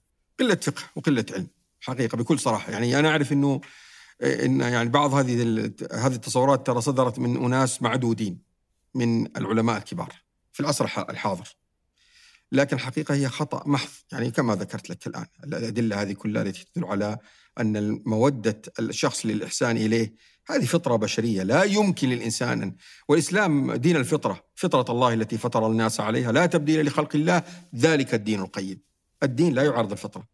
أنا أذكر حقيقة كتبت كتاب في هذا الموضوع وأيضا أول طبعة له كانت في الرابطة العالمية الإسلامي آه، آه، أذكر أنه كتب أحد الدكاترة السودانيين مقالا ونشر في مجلة الرابطة الإسلامية. كلام هذا يمكن من 20 سنة أو أكثر من 20 سنة. آه، قرأ الكتاب وهو يعيش في الغرب. هو طبيب. فرح جدا بهذا الكتاب. يقول أنقذني هذا الكتاب. أنا أتعامل لي جيران غير مسلمين تعاملهم إنساني جدا وعلاقتي. غصبا عني أحببتهم. كنت يقول أنازع نفسي كيف أحبهم للتصور الخاطئ للبراء فكرة البراء. إني كيف ممكن أحبهم؟ يقول إلى درجة إني صرت ما بين إني أشك في الإسلام. يعني معقول أنا يجب علي أن أبغض هؤلاء الأشخاص؟ ليش أبغضهم؟ دينهم عارفه أنا عارف أن دينهم باطل. هذا ما له علاقة في الموضوع. يعني بكل صراحة ما هو بس كذا يعني الإنسان يحب الحيوانات حتى وهي حيوانات يعني ما لها علاقة بالدين وعدمه يحبها لجمالها لخدمتها لأي شيء فما لها علاقة يعني هذا الحب الفطري الطبيعي لا يصح أن نربطه دائما بالمعتقد وما إلى ذلك. فك فوجد في الكتاب وذكر هذا في المقال الذي نشر مجله الرابطة أن وجد فيه منقذا له من هذه الشكوك والريب بسبب هذا التصور الخاطئ عن فكرة البراء بين المسلم والكافر. آه خطابكم هذا شيخ يعني فيه آه شبهة شبهة تمييع آه إذا تسمح لي يعني وأشعر إنه الآن في يوتيوب تحت بتلقى 70 70 تعليق إنه هذا تمييع وهذا من مجاراة العصر وهذا لعب في في الدين وكذا. صحيح. ما تشوف إنه القرب من التمييع مجددا تهديد للعقيدة وكيف أكيد صحيح. إنك حتى في مشوار في يعني في رحلتكم العلمية صحيح. ونشركم واجهت هذا التهمة. هذه صحيح. هو لا شك إنه أصحاب التشدد آه، سيصف الاعتدال بالتمييع. يعني هذا على مر التاريخ، الخوارج الذين قاتلوا علي بن أبي طالب كانوا يتهمون علي بن أبي طالب بأنه مميع وأنه كافر، كفروه. إن الحكم اولي لله قال ومن لم يحكم بما أنزل الله فأولئك هم الكافرون كفروا على أبي طالب فطبيعي إنه الذي يتبنى الفكرة متشدد أن يتهم المعتدل بأنه مميع لأنه أكثر تساهلا منه وهذا نظرته. فهذا طبيعي إنه يحصل يعني في كل الأحوال. لكن الذي كنت أنا حريص عليه في عموم طروحاتي حتى أدفع هذه الشبهة أني لا أذكر شيئا إلا وأستدل له بكلام العلماء السابقين.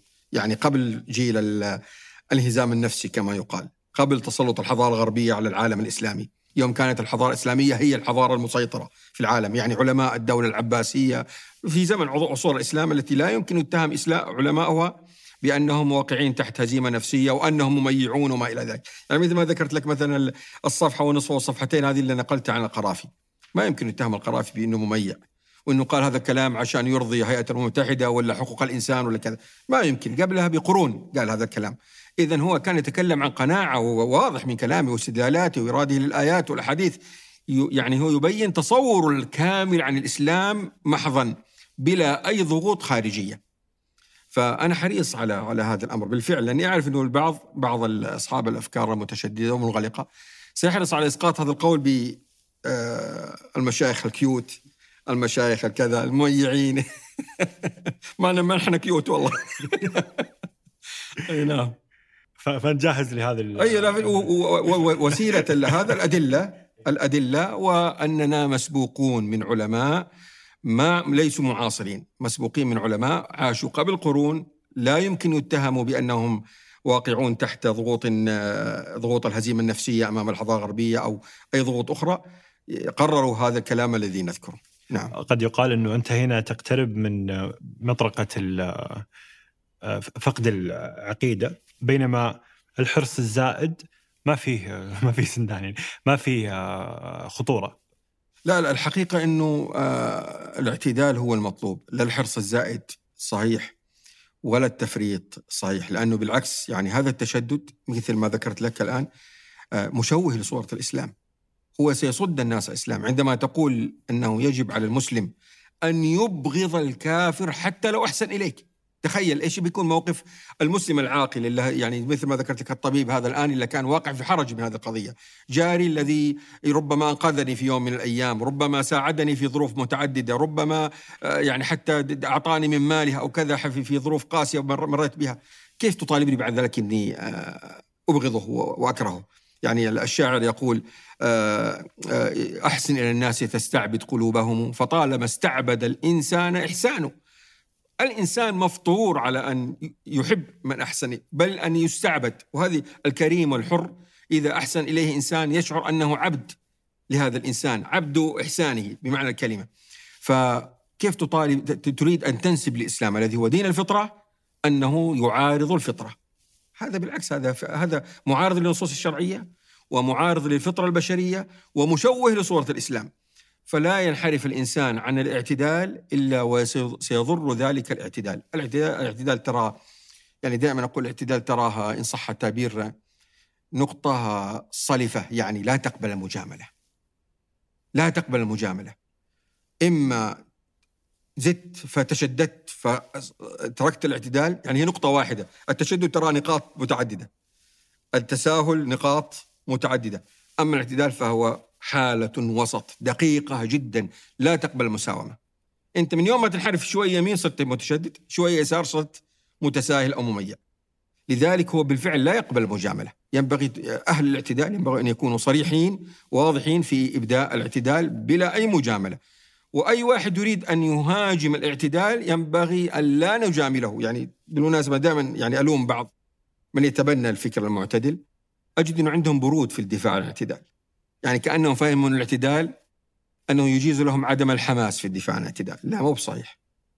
إذا لم يكن هناك رجال يدافعون عن الاعتدال بحماس لا يقل عن حماسة المتشددين أو المميعين سيضيع الاعتدال.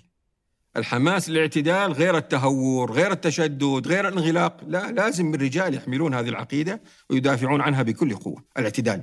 ولا يهمهم كلام الطرفين. بس هل في خطورة في التشدد تساوي خطورة فقد العقيدة في التميع؟ أنا أرى أنهما متساويان. وأبين لك كيف الآن. كثير من الأحيان تكون جهات التميع أو توجهات التميع هي ردة فعل للتشدد. يعني أنا أضرب لك مثال مثلا الآن داعش. ونرجع لقضية التكفير قليلا. صار في هجمة على فكرة الكفر أصلا لوجود الفكرة الداعشي صار يعني عند بعض الناس يتصور أنك إذا قلت فلان كافر مع ذلك أنك ستفعل كما فعل داعش وتستبيح الدماء وتقتل وتحرق وتدمر وما إلى ذلك. فهو في كثير من الأحيان يكون بالفعل يعني التميع مرات يغذي فكرة التشدد ومرات التشدد ويغذي فكرة التميع. هما طرفا تطرف من الجهتين. فليس لأحدهما مزية على الآخر. كلاهما سيئان. إذا زاد التشدد على مقدار البعد بعد بعد التميع عن الاعتدال سيكون التشدد أخطر. إذا زادت الت... إذا زادت بعد التميع عن نقطة الاعتدال عن التشدد عن بعد التشدد سيكون التميع أكثر. و... ونحن في مدافع يعني الذي يدافع الاعتدال هو في مدافع بالفعل. مرات ينظر إلى هذا مرات ينظر إلى هذا لكن لابد أن يقرر الاعتدال بصورة واضحة ويدافع عنه بكل قوة. واحد من القضايا المستمرة اللي دائما تطرأ في هذا الموضوع قضية الترحم. يموت لاعب محبوب ممثل محبوب عالم محبوب غير مسلم يعني. شوف حتى أنا حتى أنا آه، تورعت عن كلمة كافر. نعم. فالآن تعلمت اني أقول كافر بدون بدون حرج.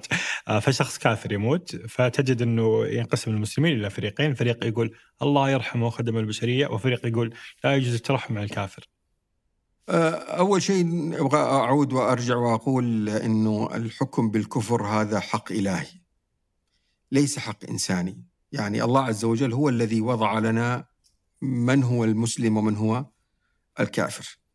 وبالتالي لا يحق لأحد أنه يتدخل في هذا الحق الإلهي. يعني هو أنزل الدين وقال لنا من خالف هذه القضايا لا يعتبر كافر لكن من خالف هذه القضايا هو الذي يعتبر كافر. أنا عددته كافرا. وإن الله لا يغفر أن يشرك به ويغفر ما دون ذلك لمن يشاء. خلاص هذه هذا حق إلهي مثل أي شخص هو الدين حق الإله. مثل أي شخص يتكلم فيما يملك وفي حقه. فكيف الله عز وجل هو مالك الملك سبحانه وتعالى؟ وهذا دينه.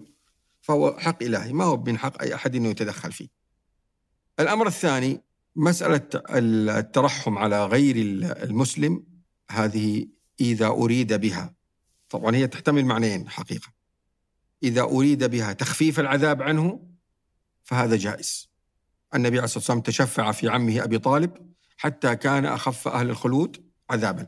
لكن في العادة الناس لا يستحضرون هذا المعنى. إذا قالوا الله يرحمه ولذلك نحن ننهى عنها هم يقصدون الرحمة بشكلها الشامل كده. بشكل الشامل يعني كأنه الرجاء بدخولها الجنة. وهذا لا يجوز. النبي عليه الصلاة والسلام استأذن أن يستغفر لأمه وهي من أهل الفترة. ماتت قبل بعثة النبي عليه الصلاة والسلام بل قبل بلوغه كما هو معروف فلم يؤذن له. لم يؤذن له أن يستغفر لأمه. تخيل لأي درجة. حتى أن كما في الحديث أن النبي بكى ذلك اليوم فيقول عمر الخطاب فلم يرى باكيا أكثر من يومئذ يعني صار الصحابة كلهم يبكون لبكاء تألم النبي عليه الصلاة والسلام لهذا الأمر. فإذا كان هذا مع أم النبي عليه الصلاة والسلام لأنها من أهل الفترة. لكن طبعا أريد أن أنبه أيضا حتى لا أنسى. عدم الترحم على شخص لا يعني الحكم العيني عليه بأنه من أهل النار. نحن ما يحق لنا نحكم على أعيان الناس أنهم من أهل النار. نقول من مات كافرا وقد قامت عليه الحجة بصحة النبوة والرسالة هذا هو المستحق للخلود في النار. أما من سواه فالصحيح أن له حكم خاص وهو حكم أهل الفترة التي اختلف العلماء فيها. أصح الأقوال يعني أنهم يتركون لعدل الله. لا نحكم لهم بشيء. من أهل العلم يقول أنهم يمتحنون يوم القيامة. فقد يكونون من أهل الجنة وقد يكونون من أهل النار. ووردت فيها أحاديث في خلاف في صحتها أنهم يمتحنون يوم القيامة. لكن الأسلم أن نقول نحن على ثقة بأن الله عادل عدله مطلق وشخص ما يعرف الإسلام. تخيل الإنسان مثلا لا يعرف الإسلام أو يسمع الإسلام صورة مشوهة. يسمع أنه الإسلام هذا دين إرهابي ودين كذا. كيف يحاسب؟ الله عز وجل يقول وما كنا معذبين حتى نبعث رسولا. رسلا مبشرين ومنذرين لئلا يكون للناس على الناس حج... لئلا يكون لله على الناس لئلا يكون للناس على الله حجة بعد الرسل. فالحكمة من بعثة الرسل أصلا هو إقامة الحجة فإذا شخص ما قامت عليه الحجة وهو غير مسلم لا نحكم عليه بأنه مخلد في النار. يعني الآن البشرية 9 مليار أي. المسلمين تقريبا مليار. مليار ونصف تقريبا. مليار ونصف باقي سبعة ونصف مليار. صحيح. غير مسلمين. أي. لا نستطيع نحكم على أعيانهم بأنهم من أهل النار. نقول غير مسلمين. ولا نستغفر لهم لأنهم ما دخلوا في الإسلام. لأن الاستغفار لا يكون إلا لمن كما ذكرنا الآية إن الله لا يغفر أن يشرك به. فنحن ما ندري هذا. قامت عليه حجة رسالية أو لا؟ ما عندنا علم. بس الآن الإسلام منتشر. ما هو الإسلام المنتشر؟ نحن قلنا قبل قليل أنه بعض أبناء المسلمين لا يستطيع أن يثبت صحة الإسلام لنفسه. إذا يبغى يرجع لنفسه. فكيف بشخص بعيد تماما يعني؟ بالعكس يسمع من وسائل الإعلام صورة مشوهة عن الإسلام. ويعني أنا أتابع كثيرا حقيقة قصص من أسلموا حديثا في عموم العالم الإسلامي. أحب أني أسمعها وأقرأها حتى من كتب قصته يعني في كتاب أو كذا. آه، أستطيع أقول لك بالفعل يعني من خلال قراءة واسعة ومتابعة كبيرة جدا. والآن في ترى قنوات في اليوتيوب كل حلقة فيها عن شخص دخل في الإسلام حديثا. أكثر من 90% تقريبا ممن دخل في الإسلام يذكر أنه كان آخر دين فكر أن يدخل فيه. إذا كان مثلا مسيحي دخل في طوائف المسيحية المتعددة ثم انتقل لليهودية ثم انتقل للبوذية ثم آخر دين يفكر فيه يدخل فيه الإسلام. بسبب بعضهم في رحلته للهجوم على الإسلام صحيح. يكتشف الاسلام وهذا صحيح. يعني يدلك إنه فكرة إنه قامت الحجة الرسالية عليهم. يعني مجرد السماع ما يكفي. يعني النبي عصر الأنبياء كلهم وهم أنبياء الله. يعني تخيل شخص يرى النبي عليه الصلاة والسلام صدقه وأمانته. هل كان هذا كافي لإقامة الحجة على الناس؟ لا. المعجزات والبينات.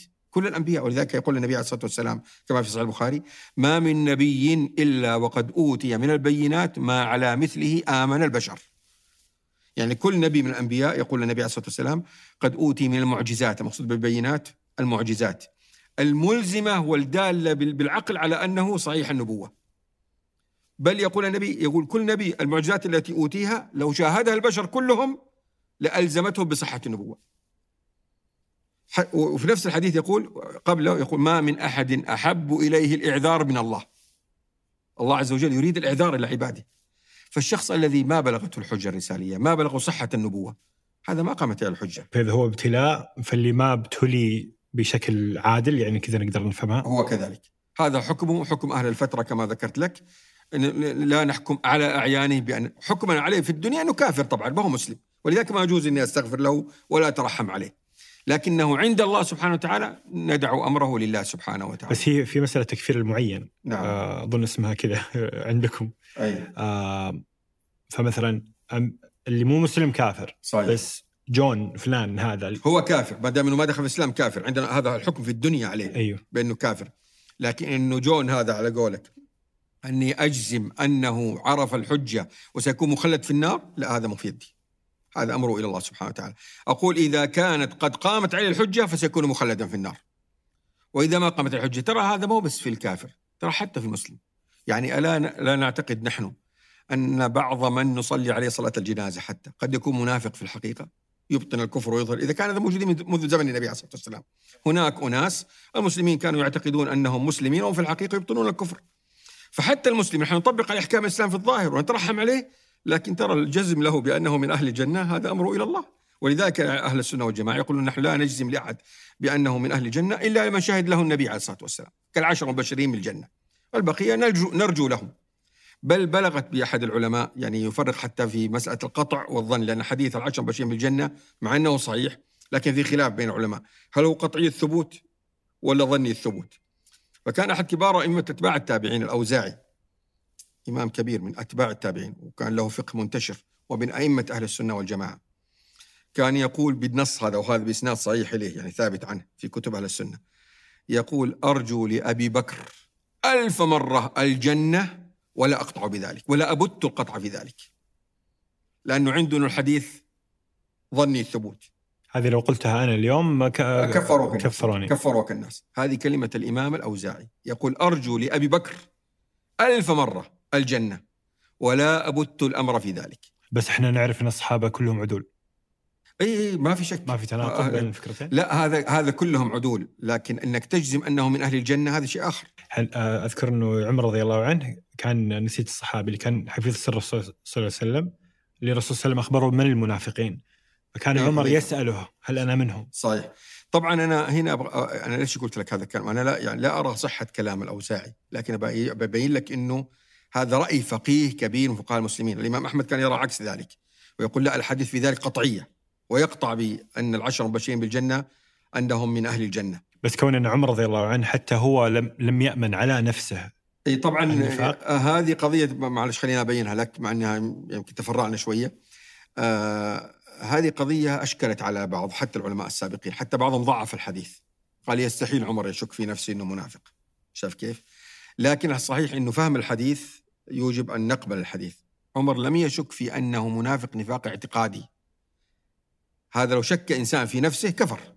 معناته ما هو مؤمن إنما خشي أن يكون وقع منه النفاق العملي يعني إنه راى إنه كذا إنه عمل شيء ليس لوجه الله. وهذا ما في مؤمن على وجه الأرض إلا يخشى على نفسه من ذلك. بل كلما زاد الإنسان إيمانا كلما صار أشد خشية على نفسه من النفاق لأنه صار يحاسب نفسه على دقائق الأمور.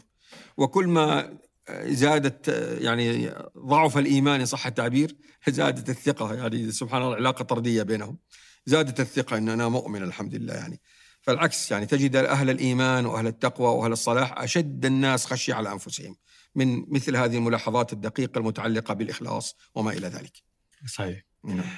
آه الله يعينك على تعليقات التمييع والله يكتب أجرك معتاد عليها من أكثر من 30 سنة معتاد عليها. عندنا الآن المسلمين والكفار. آه، فأنت سمعت الدور الثلاث. آه، في الدائرة الثانية نجي للمسلمين أنفسهم. يختلفون في طوائف آه، مختلفة. كيف نفهم هذا الاختلاف؟ وكيف هو أصلا موجود؟ إن كان الدين واضح وواحد وقيم ليش في اختلاف داخل الدين الإسلامي؟ نعم. طبعا هذا هو المسمى بالخلاف يعني التسمية الشرعية له الخلاف السني البدعي. يعني خلاف بين أهل السنة وأهل البدع. أما سبب حصول هذا ال- الأمر فهو آه، بعض الأحيان آه، نزاع سياسي. بدايته قد يكون نزاع سياسي. آه، مع قلة علم عند بعض ال- المسلمين يعني جعلتهم يعني يلجؤون إلى عقائد أو تصورات مخالفة لقطعيات الدين. مخالفة لقطعيات الدين. آه، أدت بهم هذا إلى نوع من الانحراف عن كيان الأمة الأساسي. فمثلا نبدأ مثلا بفكرة الخوارج. الخوارج آه، هم أناس كفروا علي بن أبي طالب كفروا كل الصحابة مو بس علي بن أبي طالب كفروا كل الصحابة ممن لم يدخل معهم في جماعتهم يعني. واستباحوا الدماء واستمروا يعني كما جاء بعض الروايات كلما ذهب قرن ظهر قرن آخر إلى أن كان من اواخرهم مثلا داعش وذيولها وما إلى ذلك. فسبب آه، فكرهم الضال هذا هو فهمهم الخاطئ لنصوص الشريعة. فهم خاطئ لنصوص الشريعة مع ما أستطيع بالنسبة للخوارج بالذات مع مرض نفسي وهو الغرور والعجب. يعني تخيل أصل الخوارج شخص كان في زمن النبي عليه الصلاة والسلام. اسمه ذو الخويصرة. هذا الرجل لما وزع النبي عليه الصلاة والسلام غنائم يوم حنين ما عجبته القسمة هذه. فجاء وقال للنبي عليه الصلاة والسلام اعدل يا محمد. تخيل شخص يظن نفسه أعلم بالعدل من سيد الأولين والآخرين عليه الصلاة والسلام. وهو أعرابي له من اصحاب النبي الذين تفقهوا عليه ولا تعلموا عليه هو حديث عهد إسلام لسه تو ومع ذلك تخيل يظن أنه عنده من العلم ومن المعرفة ما يستدرك به على سيد الأولين والآخرين. هذه ما تقع فقط بسبب الجهل لأنه في العادة الجاهل يكون متواضع خاصة لما يكون جاهل وأمام من؟ أمام أعلم الخلق بالله وبأمر الله وهو رسول الله صلى الله عليه وسلم. هذه ما تقع إلا بسبب مرض الغرور الطافح يعني مرض جنوني الغرور فاجتمع الجهل بالغرور فتصور أنه أعلم بالعدل من. فلما طبعا قصته شهيرة قال يخرج من ضئ هذا يعني من أصله من فكرته قوم تحقرون صلاتكم مع صلاتهم وقيام يمرقون من الدين له إشارة للخوارج كما يمرق السهم من الرمية. أيضا الذين كفروا علي بن أبي طالب يقول ابن الجوزي العالم الحنبلي المشهور لما ذكرهم قال انظر إلى هؤلاء الحمقى. كذا يقول في كتابه تلبيس إبليس. يظنون أنهم أعلم من أفقه أصحاب النبي عليه الصلاة والسلام بالدين والشريعة. وهم أعراب جهلة ما يعرفون شيء لا تتلمذوا على الصحابة ولا شيء. ففي كثير من الأحيان تكون الانحرافات بسبب الجهل ثم أمراض ودواعي نفسية إما ضغوط سياسية إما كذا. تجتمع الثنتين فتخرج إن صح التعبير يعني آه، فرقة من فرق المسلمين. هذا الذي حصل على مر التاريخ ثم تشعبت طبعا الأمور وكذا. أيضا طبعا من أسباب الاختلاف بعض الأحيان قلة العلم هي الصفة المشتركة. قلة علم مع الدخول في جدال وحوار الإنسان يكون غير مؤهل لخوضه. فمثلا يعني يذكر مثلا أن المعتزلة من أسباب انحرافهم أنهم دخلوا في جدل مع النصارى ومع الملاحدة والزنادقة في قضايا القدر في قضايا كذا. بعض الأحيان ما استطاعوا يجيبوا إلا بنوع من الانحراف. يعني مثلا آه، قضية ما أريد أن أدخل بعض يعني قدموا بعض التنازلات آه، آه، مو هو مسألة لا هو تصور كذا لأن قلة علمه صار يتصور أنه هذا هو الدين. أنه لا يمكن أن يكون الدين إلا كذلك. فجاء مثلا زي مثلا المعتزلة نفوا أن الله هو خالق أفعال العباد حتى ينفي فكرة الجبر. هذولك يقول لهم كيف أنتم تقولون الله خالق كل شيء؟ أجل الله جبرنا إذا الله ما هو بعادل. قالوا لا الحل نقول الله ما خلق الأفعال. فعارضوا آه، كل أهل السنة في هذا الأمر. وهكذا يعني بعض الأساس هو قلة العلم مع إما احتكاكات أو ضغوط سياسية ضغوط معينة أو احتكاك مع غير المسلمين والطوائف الأخرى مع قلة العلم. تنشئ هذه الأفكار وفي العادة تنشأ فكرة عن شخص يتبناها أشخاص اخذوها عنه. هذه. الأشخاص هؤلاء يكونون مدرسة. هذه المدرسة تتشعب وبعضها تصير أيضا تصير فرق. نفس هذه الفرقة تصبح فرقا متعددة. هذا الواقع يعني نشأت الفرق المبتدعة إن صح التعبير التي نشأت في الإسلام. هذه طريقة نشأتها في البدايات. إحنا عندنا الأئمة الأربعة بعدين أو عند المسلم السني يقبل الأئمة الأربعة. بس لا يقبل الآخرين. ويقول هذه بدعة وهذه ليست بدعة. كيف ما هو ضابط البدعة إذا؟ أي نعم. طبعا آه، خليني أعرف لك البدعة وبعدين ندخل تعريف المبتدع لأنه في فرق. وسأعرف لك البدعة بتعريف آه، سهل يعني صح التعبير واضح ومنضبط تماما. البدعة هو كل أمر سأذكر التعريف وأشرحه حتى يكون واضح يعني لأنه مفيد جدا بالفعل لأي مسلم. لأنه في غلو في الجانبين في ناس يبدعون كل شيء وفي ناس يميعون كل شيء. فنريد أن نضع تعريف يضبط الأمر. آه، كل أمر يتدين بذاته على وجه التأول ويقطع بعدم صحة نسبته إلى الدين. اشرح لك الفكرة. كل أمر يتدين بذاته. شرط البدعة أن كل إنسان هو يعملها هو يعتقد أنها دين كالذي يتعبد بها. على وجه التأول هو يظن أنها منسوبة للدين صحيح. الشطر الثاني من التعريف ونجزم أنها ليست من الدين. هنا يبين لك أهم معالم البدعة فأول شيء لابد اعتقاد التدين. فمثلا لو إنسان حرم على نفسه شرب الماء هذا اللي بالليمون اللي تشربه أنت الآن. قال أنا أتدين الله بأن لا أشرب كأس الماء الذي فيه الليمون والنعناع. أو لا أشرب العسل مثلا. هذا قطعا بدعة. مع أنه ترك مو فعل هذا. ليش؟ لأن نقطع بأنه هذا الكلام غير صحيح. بينما لو فعله بلا تدين أيوه مثلا ما يحب ما يحب النكهة هذه. هو يشرب الماء بلا نكهة أو بنكهة أخرى مثلا وما يحب النكهة دي ابدا. هذا ما يعتبر بدعة ما له علاقة بالبدعه صار هذا اختياره الشخصي ما له ما له علاقة بأي شيء. صار لك مثال واقع أيضا مثلا أيضا يكثر فيه الكلام. يعني مثلا اليوم الوطني. اليوم الوطني ما يتدين نحن باليوم الوطني. يعني لا نتعبد الله باليوم الوطني. لكنه يوم به يعزز الفكر الوطني عند الشعب يحب وطنه أكثر يستشعر نعمة الله عز وجل عليه بهذا الوطن ففي منفعة دنيوية. لكن ما نفعله عبادة بمعنى أنه يتعبد الله باليوم الوطني. ما حد يذهب إلى يصلي صلاة خاصة باليوم الوطني ولا. لاحظ كيف؟ فهو أمر دنيوي. بس هو هنا يشتبه بالبدعة. لا لا آه عفوا بالعيد. بالعيد. آه هذه شيء ثاني. مسألة العيد وما هو العيد المباح وما هو العيد المحرم هذه قضية ثانية. لكن إن جئت من باب البدعة طبعا آه، ولها جواب هذه. يعني إذا تريد بعدين نطرحها ممكن.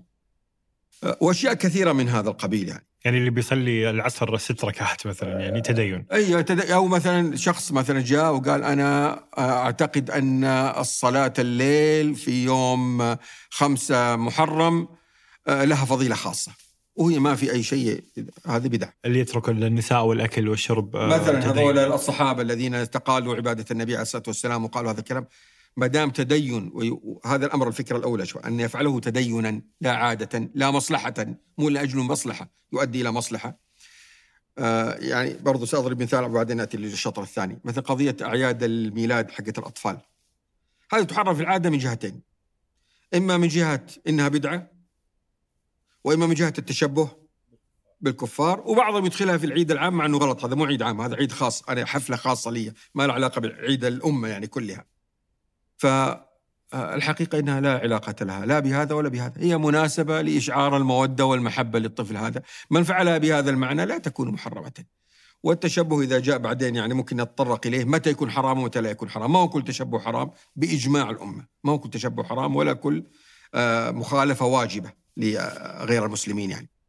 فهذا الجزء الأول من التعريف. الجزء الثاني وهو مهم جدا أن يكون عدم نسبة للدين أمر مقطوع به. ليس من باب الترجيح والظن. عندي دليل قاطع على أن هذا الأمر ليس من الدين. ولذلك مثلا شوف خلافات الفقهاء مثلا. يعني في فقيه مثلا يرى أنه هذا السنة الثاني لا يرى أنه سنة. ما ادعى أحد مثلا في الصلاة مثلا رفع اليدين في الصلاة في غير تكبيرة الإحرام. عند أبي حنيفة ليس بسنة. عند بقية الفقهاء أنه سنة. عند الركوع عند الرفع من الركوع عند كذا. ما قالوا لأبي حنيفة أنك تركت سنة وبدعة وفعلت بدعة ولا قال هو عن فعلهم أو مذهب أبي حنيفة يعتقد أنه بدعة. ليش؟ لأنه مبني على أدلة ظنية. مبني على أدلة ظنية. لكن لو في أدلة قطعية لا وجب أن يبدع أو يبدع هذا القول الذي هو مخالف للدليل القطعي. في كثير من الأحيان طبعا هذه مشكلة كبيرة حقيقة. حتى هذه ممكن نلجأ إليها بعدين لما نتكلم عن الدائرة الثالثة من الخلاف. إنه يخلط بين ما يميز بين القطعي والظني. يعني تصير المسألة كأنها بالدعاوى، أنت تدعي إنه قطعي وهذا يدعي إنه ظني والحقيقة المسألة منضبطة ما هي بالطريقة هذه، إنما يدعو للاختلاط قلة العلم وعدم المعرفة. فالمقصود إنه هذه هي البدعة الآن، البدعة هذه شروطها وبالتالي يتبين المسلم إذا طبقها بطريقة صحيحة آه معلش الأمثلة ممكن توضح أكثر. آه شوف مثلا الخطوط التي توضع في سجاجيد المسجد. حق تسوية الصفوف. هذه ما كانت في زمن النبي عليه الصلاة والسلام. وهي متعلقة بعبادة. يعني متعلقة بتسوية الصف في الصلاة. ما وجدت واحد عاقل يزعم أنها بدعة. مع أنها إضافة. ومع أنه كان قادر النبي يسوي شيء زي كذا. كان ممكن يرصف حجارة ممكن يضع خيط يجعل لون أي شيء يعني أشياء كثيرة ممكن يسويها. وما فعلها النبي عليه الصلاة والسلام، وفي حاجة إليها لأنه تسوية الصف تعين على تسوية الصف بالفعل، الحاجة قائمة، كان النبي يمكث وقت يسوي الصفوف وكذا لين تعتدل الصفوف. كان ممكن يسويها، يعني الحاجة قائمة موجودة وهي حاجة شرعية وما فعلها النبي عليه الصلاة والسلام ولا فعلها الصحابة. إلى أنا يمكن ما أدري أنت أدركت أنا أدركت المساجد ما كانت موجودة، كانت سجاجيد عادية توضع فيها. كانوا في بعض الأحيان يضعون في البدايه جات يضعون حبل كذا عشان يسوون الصفوف. بعدين صارت الشركات تسوي الزوالي هذه والسجاجيد هذه إلى فترة قريبة مساجد الطريق يعني ما كانت ما كانت موجودة. يعني. فمع ذلك لا تجد عاقل يقول إنها بدعة. ليش؟ لأن الناس فهموا أنها وسيلة لتحقيق المقصد الشرعي. لا يتعبد بذات الفعل. ما قلت لك يتدين بذاته. لا يتعبد بذات الفعل. وإن حقق مقصدا شرعيا وهو تسوية الصف. لو صار في يوم من الأيام يتصور الناس أنه لا تصح الصلاة أو لا تستوي الصفوف إلا بها عندنا ننبههم مو شرط نزيلها نقول لهم لا يا جماعة ترى هذه مجرد وسيلة لا تعتقدوا ان الدين بذاتها. وأن الوقوف على الصف أصلا عبادة. عبادة بهذه الطريقة على هذه الخطوط. فمثلا لو جو في البر ما يعرفون كيف يسووا صفوفهم لأنه ما في الخطوط هذه. هذا اللي يبين لك ما هي حقيقة البدعة. حتى بعد ذلك نعرف متى نصف الأمر بانه بدعة ومتى لا يصح أن نصفه بأنه بدعة. التعريف بعد ما فهمناه أستأذنك تعيد تعيد لنا طيب. مرة أخيرة. كل أمر يتدين بذاته على وجه التأول ويقطع بعدم صحة نسبته إلى الدين. هذا أظن مثال جيد على العلم الشرعي وما يحويه وما تحويه الكتب الكثيرة هذه نعم. آه فهذا ما تسمونه تعريف جامع مانع جامع مانع صحيح يضبط الأمر هذا ويجعل المسلم إذا فهم وعي وعاه بالطريقة الصحيحة والله ما عاد يلتبس عليه شيء. ويعرف أخطاء بعض المتحدثين اللي ربما متصدرين بالفعل من يبدع بغير حق ومن لا يبدع بغير حق. الذي يريد يصف اشياء بانها بدع بأن ليست من البدع أو العكس. يصف يعني بالمناسبة لما قلت لك الخط الخطوط هذه أن لا أعرف عاقل اني اناس أنا أعتبرهم ليسوا عقلاء ووصفوها بأنها بدعه يعني ووصفوا بأنهم مشايخ ولهم كتب. لكن وصل في إي والله ابدا. يعني أذكر حتى واحد زي كذا حضرت نقاش وكان عندي في بيتي فبعد ما خرج اتصل علي من بلده الذي ذهب إليه يقول ناصح هذول المشايخ اللي يرون هذه أنها ليست ببدعة. لهذه الدرجة. يعني عنده إصرار حتى على وينبغي علي وناصحهم إنهم يعني ففي في يعني لما لا ينضبط هذا التعريف ولا يكون واضح والحقيقة يعني كل التعريف الأخرى التي يعني غير هذه التعريف في تعريف عديدة كلها غير منضبطة ولذلك سببت هذا الخلل ما هو التعريف المنضبط الجامع المانع؟ أعيده مرة ثانية يعني؟ لا أقصد تعريف الجامع المانع قد لا يفهم ممتاز. التعريف الجامع المانع هو الذي يدخل في التعريف كل قيود الأمر المعرف وبالتالي لا يمكن يخرج شيء من من هذا المعرف ولا يدخل ما ليس منه فيه. فيصير لا يسمح لشيء ليس منه أن يدخل فيه ولا شيء منه أن يخرج عنه. فيصير التصور عند الإنسان واضح. ولذلك يعني لما وضع المناطق فكرة التعاريف هذه يعني كان قصده بالفعل أن يكون التصور واضح عند الإنسان. لأنه كما يقول كل عاقل الحكم على الشيء فرع عن تصوره، أنت يمكن تحكم على شيء حتى يكون تصوره عنك تصوره تصورك عنه واضحا تماما بلا أي لبس. وما دام في عندك ممكن في بعض الأشياء تدخل فيه وهي ليست منه أو العكس تخرج منه وهي ليست مع ذلك تصورك غير واضح. أردت تحكم على الشيء لابد أن يكون التصور عندك واضح حتى تستطيع أن تطبق عليه الأحكام التي تريدها بعد ذلك. جميل، هذه البدعة فمن المبتدع؟ ممتاز. جينا في قضية المبتدع هذه إشكالية كبيرة، ليش؟ لأنه الحقيقة أنه وصف الشخص بأنه مبتدع لم يرد لا في الكتاب ولا في السنة. يعني نحن عندنا في القرآن الكريم في أوصاف خمسة للناس بحسب إيمانهم يعني في المؤمن وهو يعني كامل الإيمان. وفي المسلم لو مسلم مقصر فاسق كما يعبر العلماء. وفي المنافق وفي الكافر أربع أوصاف. والمنافق والكافر. المنافق الذي يظهر الاسلام ويبطن الكفر.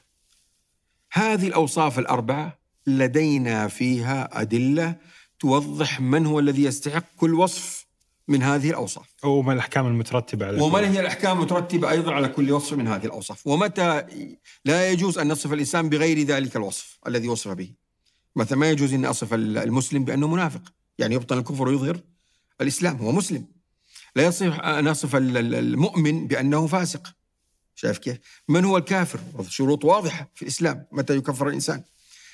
لكن المبتدع ما في ولا آية ولا أي حديث يبين لنا من هو المبتدع؟ هذه قاعدة لابد تكون واضحة. حتى مع أن البدعة موجودة في النصوص كل بدعة ضلالة. لكن من هو الذي يوصف بالمبتدع؟ كان من السهل نقول كل من ارتكب بدعة فهو مبتدع ولو بدعة واحدة ولو بدعة صغيرة لأنه هذا مقتضى اللغة. مبتدع اسم فاعل شخص فعل البدعة. لكن هذا القول لا يقول به أحد من أهل العلم. لا قديما ولا حديثا. لا يقول أحد بأن كل من فعل بدعة ولو كانت بدعة يسيرة وصغيرة يوصف مطلقا بأنه مبتدع. لذلك هناك تباينات كبيرة جدا في من يس يجب أن يسمى بأنه مبتدع. ولي في مقال حقيقه كامل في هذا الموضوع. لما عرفنا أنه ليس هناك مأخذ شرعي لوصف الشخص بأنه مبتدع كما ذكرت ما ورد في النصوص الضابط لوصف الشخص بأنه مبتدع. ودلالة اللغة لا تسمح بأن نصف آه، شرعا كل من ارتكب بدعة بأنه مبتدع. وإن كان لغة صحيح لكن شرعا ولا أحد من أهل العلم يقول هذا الكلام.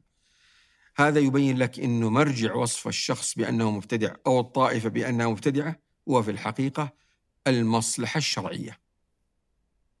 والمصلحة الشرعية تختلف باختلاف الأزمان والأماكن والكذا. ولذلك مثلا ابن تيمية وهو الحقيقة عنده يعني عنده شيء من المبالغة في التبديع في رأيي أنا. مع ذلك في نص من نصوصه يصف الطوائف التي هو يراها أنها مبتدعة. يقول مثلا عن الأشعرية مثلا وهم يراها أنهم من أهل البدع يقول أنهم يكونون في أهل السنة يكونون من أهل السنة إذا كانوا في بلدهم أقرب الناس إلى السنة. يعني إذا في بلد فيها مثلا ناس أبعد عن السنة من الأشعرية والطائفة الموجودة الأقرب هم الأشعرية قال نعتبرهم أهل السنة في هذه الحالة. ما نصفهم بأنهم من أهل البدع.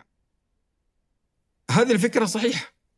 وصف المبتدع ووصف أهل البدع ينبغي أن يكون خاضع للمصالح. مثلا لو جيت أن تسألني إلى اليوم ما هو الضابط لوصف الشخص بأنه مبتدع أقول لك في عدد من الأشياء. مثلا الذي يوافق على أصول مصادر الشريعة. يعني يوافق أن الكتاب والسنة والإجماع والقياس هي مصادر التشريع هذا هو السني. من خالف في واحد منها فهو المبتدع هذا واحد. ضابط للتفريق بين السني والبدعي. لأن هذه الكتاب والسنة والإجماع والقياس. من أسقط واحدا من هذه المصادر فهو مبتدع. من قال أنا لا أحتج بالكتاب لا أحتج بالسنة لا أحتج بالإجماع كذا مطلقا. لا أحتج بالقياس مو أنه يشكك في صحة إجماع لا أنا الإجماع عندي ما له قيمة. الآلة يعني مثلا مثلا إجماع أن الأمة على أن الفرائض الخمسة. أن الكعبة التي نطوف حولها هذه الكعبة التي طاف حولها النبي عليه الصلاة والسلام. هل في عندنا نص يبين لنا موضع الكعبة بخطوط الطول والعرض؟ ما في عندنا. عندنا إجماع الأمة جيلا بعد جيل على أنه هذا موضع الكعبة. وعندنا قاعدة تقول أن الأمة لا تجمع على لا تجمع على ضلالة لا شك. بل بالحقيقة يعني بعض الأشياء هي عادة الناس. يعني هل أشك أنا أنه باريس هذه باريس؟ خلاص هي مدى التاريخ هي هذه البلد معروفة. البشر معروف تناقلهم وتداولهم للمعلومات اللي هي معلومة معلومة بالضرورة إن صح التعبير. حتى الشخصيات التاريخية أيه. وأعمالهم يعني صحيح. الموسيقي اللي شكسبير مثلا لو جاني واحد الآن يقول لي أنا شكسبير أنا أشك في وجودي أقول له ما أنت صاحي شكسبير شخصية عالمية معروفة أديب إنجليزي وكذا. وأدب وأدب ومسرحيات وأدب ومسرحيات. ممكن أنا أشكك في رواية في قصة في جملة في كذا لكن شخصية وأنها لها روايات وقصص ونتاج أدبي مستحيل. يكون هذا. أي عاقل. فإذا كان هذا في شكسبير فكيف في أشياء؟ وهذه مبنية على إيش؟ على العلم الضروري هذا التوارد الذي توارد عليها الأمم. فالمقصود إنه الإجماع والقياس هذا الشيء هذه الأصول. فمن فمن قبل بها كان سنيا. سنيا. من أسقط واحدا منها فيعتبر بدعي لأنه أصول أساسية لمعرفة مصادر التشريع الإسلامي. آه الذي آه يكفر بالباطل. لأن التكفير بالباطل لا شك أنه حكم مقطوع ببطلانه ويؤدي إلى استباحة الدماء ويؤدي إلى كذا وإلى كذا. هذا خارج عن أهل السنة والجماعة. الذي يغلو في التبديع تبديع طوائف المسلمين فيفرقهم. هذا هو هو هو نفسه يعني يقسم الأمة وبالتالي هذا يستحق أن لا يكون من أهل السنة والجماعة. الذي لا يعظم السلف بداية بالصحابة والتابعين وأتباع التابعين. فمن كان لا يعظم صحابة النبي عليه الصلاة والسلام ويعتقد فيهم العدالة وكذلك التابعين يعني كجيل أن الجيل هذا أفضل الأجيال بعد جيل الصحابة وأن جيل أتباع التابعين هو أفضل الأجيال كما قال النبي عليه الصلاة والسلام خير الناس قرني ثم الذين يلونهم ثم الذين يلونهم. هذه الأصول التي ذكرتها سابقا هذه من توفرت فيه فهو سني ومن خالفها فهو بدعي. يعني هذا أقول لك هذا إلى اليوم وإلى هذا العهد المصلحة تقتضي تبديع هذا الشخص. ليش أقول هذا الكلام؟ لأنه يعني إلى اليوم كيان الأمة الأكبر هو على هذه الأمور. إنما يخالف فيها طوائف أقليات إن صح التعبير من المسلمين. لكن افترضنا افترضنا لو في يوم من الأيام أصبح غالب المسلمين على رأي مخالف لبعض هذه الأشياء. ستختلف المصلحة في قضية الاعتبار السني والبدعي فأنا دائما أقول أن وصف السني والبدعي هو وصف البدع بالذات وصف مصلحي اعتباري يختلف باختلاف المصالح فإذا جاء الزمن الذي يوجب تغيير النظر إلى بعض الطوائف وإدخالها ضمن دائرة أهل السنة لأن المصلحة تقتضي ذلك مثل عبارة ابن تيمية انطلاقا من فكرة ابن تيمية في القضية هذه إنه ينبغي نوسع الدلالة. والسبب في ذلك كما ذكرت لك إنه وصف المبتدع ليس له أصول في الكتاب والسنة وليس له أصول في اللغة العربية، فمن فين أجيبه؟ ما في إلا المصلحة. يعني لم يبقى لي هذا الوصف إلا أن تكون المصلحة هي المرجع، والمصلحة لا شك أنها تتغير بتغير الزمان. لن تكون في كل الأزمان المصلحة واحدة أو بتغير البلدان وبتغير الأوضاع. فالمصلحة مرت... وهذا حكم وقياس أصلا صحيح؟ يعني اجتهاد اجتهاد العلماء علماء الأمة الذين يرون متى يصح أن نصف هذه الطائفة أو هذه الفكرة أو هذا الشخص. الفكرة ممكن توصف انها بدعة لكن الشخص منه مبتدع؟ لأن وصف المبتدع ليش أقول؟ أرجع واكد الفكرة. وصف المبتدع وصف ذم. وصف ذم. أنت لما تقول شخص مبتدع أنت أي مسلم يسمع هذه العبارة سيفهم إنه هي ترمى كتهمة أصلا. هي تهمة هي تهمة. والشرع حرم أن ينبز المسلم ولا تنابزوا بالألقاب بئس الاسم الفسوق بعد الإيمان. حتى كذا جاء في تفسيرها أن يقال يا فاسق يا منافق ويا مبتدع نفس المعنى لأن في زمن الوحي ما كان في جسم مبتدع. شايف كيف؟ التحقير المسلم أخو المسلم لا يظلمه ولا يحقره وهذا تحقير المسلم. فلا يجوز أصلا أن يحقر المسلم بأي وصف من الأوصاف. فإذا أردت أني أصفه بوصف لابد يكون في عندي مستند شرعي. وما دام ما عندي مستند من الكتاب والسنة كما ذكرت ولا المستند اللغوي هو الصحيح الذي يمكن الاعتماد عليه لن يبقى إلا المصلحة. المصلحة الشرعية التي توجب أن يوصف بهذا الوصف الذي يقتضي كما ذكرنا الذم، يعني اضطر أن أذمه لاقي المسلمين من شره. هذه المصلحة. غير كذا لا. طب في هذه الحالة آه، ما تنطبق الأحكام اللي تكلمت عنها قبل شوي في انه لا يجوز ذم المسلم وكذا؟ لا مو إحنا قلنا إنه هي مصلحة بناء على مصلحة. يعني زي مثلا آه، ما ذكر علماء قديما مثلا علم الجرح والتعديل. لما يقال عن فلان آه، ضعيف أو كذاب أو كذا أو كذا. تكلم العلماء قالوا إن سكتنا صارت المضرة أكبر. يعني في مضرة شخص واحد إنه قلنا عنه كذاب. لكن إن سكتنا عنه دخل في الدين ما ليس منه. وقبلنا روايات مكذوبة على النبي عليه الصلاة والسلام. فعندي مفسدتين مفسدة كبرى ومفسدة صغرى. الصغرى هو إنه يتأذى هذا بهذا الوصف الذي هو مستحق له هو كذاب بالفعل. مع إنه هو مسلم يعني لا نشك في أيوه هو مسلم مسلم. ومع ذلك شايف كيف؟ لا يعني الوضع ليس كفرا. ممكن يكون وضاع ومسلم في نفس الوقت. وكان في قضاة كذابين وكان فيه وعاظ كذابين وكان في قراء كذابين ونص العلماء عليهم ومفسرون كذابين. كل هذا مر على تاريخ الإسلامي مثل ما هو موجود اليوم حتى. فوصفه بهذا الوصف وإن كان فيه إيذاء له وفي مفسدة لا شك إيذاؤه لكن هذه المفسدة صغرى أمام حماية الدين دين الناس. فأنا مضطر حتى في الشهود يعني مثلا لما يجي الشهود عند القاضي ويطلب تزكيتهم فإذا جاء واحد وقدح فيه قال والله هذا أنا عرفت أنه شاهد زور ويثبت. أو في الزواج أحيانا أو في الزواج مثلا تسأل أو شريك واحد بيشاركك فتذهب تسأل عنه فتقول والله هذا لا ترى لعاب وليس أمين في التعامل المالي وكذا. ضرورة هذه وإن كانت هي مفسدة بالنسبة له لكن لا تتم المصلحة وتدفع المفسده الأكبر إلا بهذا الأمر. فنفس الشيء بالنسبة للمبتدع. إذا أوجبت المصلحة أن يذم بهذا الوصف يجب أن يوصف بهذا الوصف. وتقدر المصلحة بقدرها. يعني إن كان رجعنا مرة ثانية مثلا للتعامل مع المبتدع آه، آه، في لي عنوان كتاب أنا يعبر عن الفكرة التعامل مع المبتدع بين رد بدعته ومراعاة حقوق إسلامه. البدعة نكون صريحين في ردها ما نجامل نقول هذه بدعة. لأنه كما قلنا نقطع بعدم صحة نسبتها إلى الدين. ما عندنا مجاملة في بيان البدعة. لكن التعامل مع المبتدع ينبغي إني أراعي ما دام إنه أنا أعترف إنه مسلم ما خرج ببدعتي عن الإسلام، حتكلم الآن عن المبتدع ما زلت أعترف أنه مسلم والمخالف لي يعترف أنه مسلم. طيب تعال ما دام إنه مسلم تعال شوف النصوص الشرعية التي أعطت الحقوق للمسلم يعني مثلا المسلم أخو المسلم لا يظلمه ولا يحقره ولا يخذله. جيب لي نص يقيد هذا النص. حق المسلم على المسلم ست. وغيرها من النصوص الكثيرة. إنما المؤمنون إخوة. كل هذه متناوله حتى المبتدع. ما دام إنه مسلم. ما في ولا أي نص في الشريعة يقول لك إلا المبتدع. فيحرم كل حقوق هذا ما زال مسلم له حق الأخوة الإسلامية.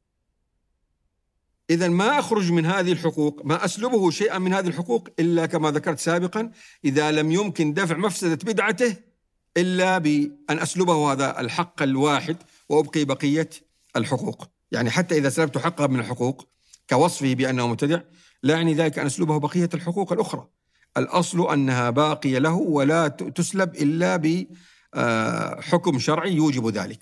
وطبعا هذا ليس متاحا لكل أحد مفترض أن يكون لأهل العلم والعدل لأنه ليس كل أهل العلم أهل العدل أهل العلم والعدل أهل العلم الشرعي والعدل في التعامل مع الآخرين لأنه مع الامتداد التاريخ الإسلامي تسربت الطائفية حتى لعقول بعض أهل العلم. يعني صار بالفعل يظلم الآخرين لمجرد أنهم من طائفة أخرى يظلم مو يطبق على الحكم الشرعي ومقتضيات المصلحة. لا بل يستبيح من كل الطوائف كما نشاهد نحن. يعني مثلا خلينا نكون صريحين مثلا الشيعة والسنة. تجد في الشيعة من يستبيح من أهل السنة ما لا يجوز أن يستباح ومن أهل السنة من يستبيح من الشيعة ما لا يجوز أن يستباح. وهذا معتمد على فتاوى بزعمه وهذا معتمد على فتاوى بزعمه. وفتاوى صدرت من مرجعيات هنا ومرجعيات هناك أيضا. فالخلل موجود يعني. نعم. الفرقة الناجية. طيب. كيف تفهم هذا الحديث؟ أي حديث النبي عليه الصلاة والسلام افترقت اليهود على 71 فرقة وافترقت النصارى على 72 فرقة وتفترق أمتي على 73 فرقة كلها في النار إلا واحدة. ثم جاءت زيادات أخرى اختلف في في بعضها إنه هل قال ما أنا لما سئل يعني من هي الفرقة؟ قال ما أنا عليه وأصحابي واذا ضعيفة. في جماعة في روايات أخرى أصح قال الجماعة هي الجماعة وما إلى ذلك. الحديث هذا اولا قبل ما أذكر لك يعني آه، توجيهي لهذا الحديث للأسف وجاء الحديث هذا هل جاء الحديث للتحذير من التفريق أم للحث على التفريق؟ لا شك أنه جاء للتحذير من التفرق. للأسف الشديد أصبح هذا الحديث من دواعي التفريق. بدل أن يكون سببا للحذر من تفريق الأمة أصبح يستغل لتفريق الأمة. فمثلا أضرب لك مثال وقع حتى من علماء كبار يعني. يعني منذ القرن الرابع الهجري ألف أحد العلماء كتاب سماها الفرق بين الفرق. فحرص أن يفرق الأمة على 73 يعني صار كأنه من دلائل النبوة أنه يثبت أن الأمة تفرقت 73 فرقة. تخيل هذا من القرن الرابع الهجري. هو ما يدري أنه ستظهر فرق كثيرة بعدها يعني بالطريقة هذه صارت 370 فرقة. ما عاد هي 73 فرقة. وكل فرقة حتى اليوم يعني أنا سمعت مثلا بعض الفرق التي ليست من السنة يقسمونها السنة لفرق كثيرة جدا يعني ينسبونهم للمشايخ. الكذا والكذا ما أسمي بعض الأشياء. والدعاة وما إلى ذلك. فأصبح هذا الحديث داعي من دواعي التفرق.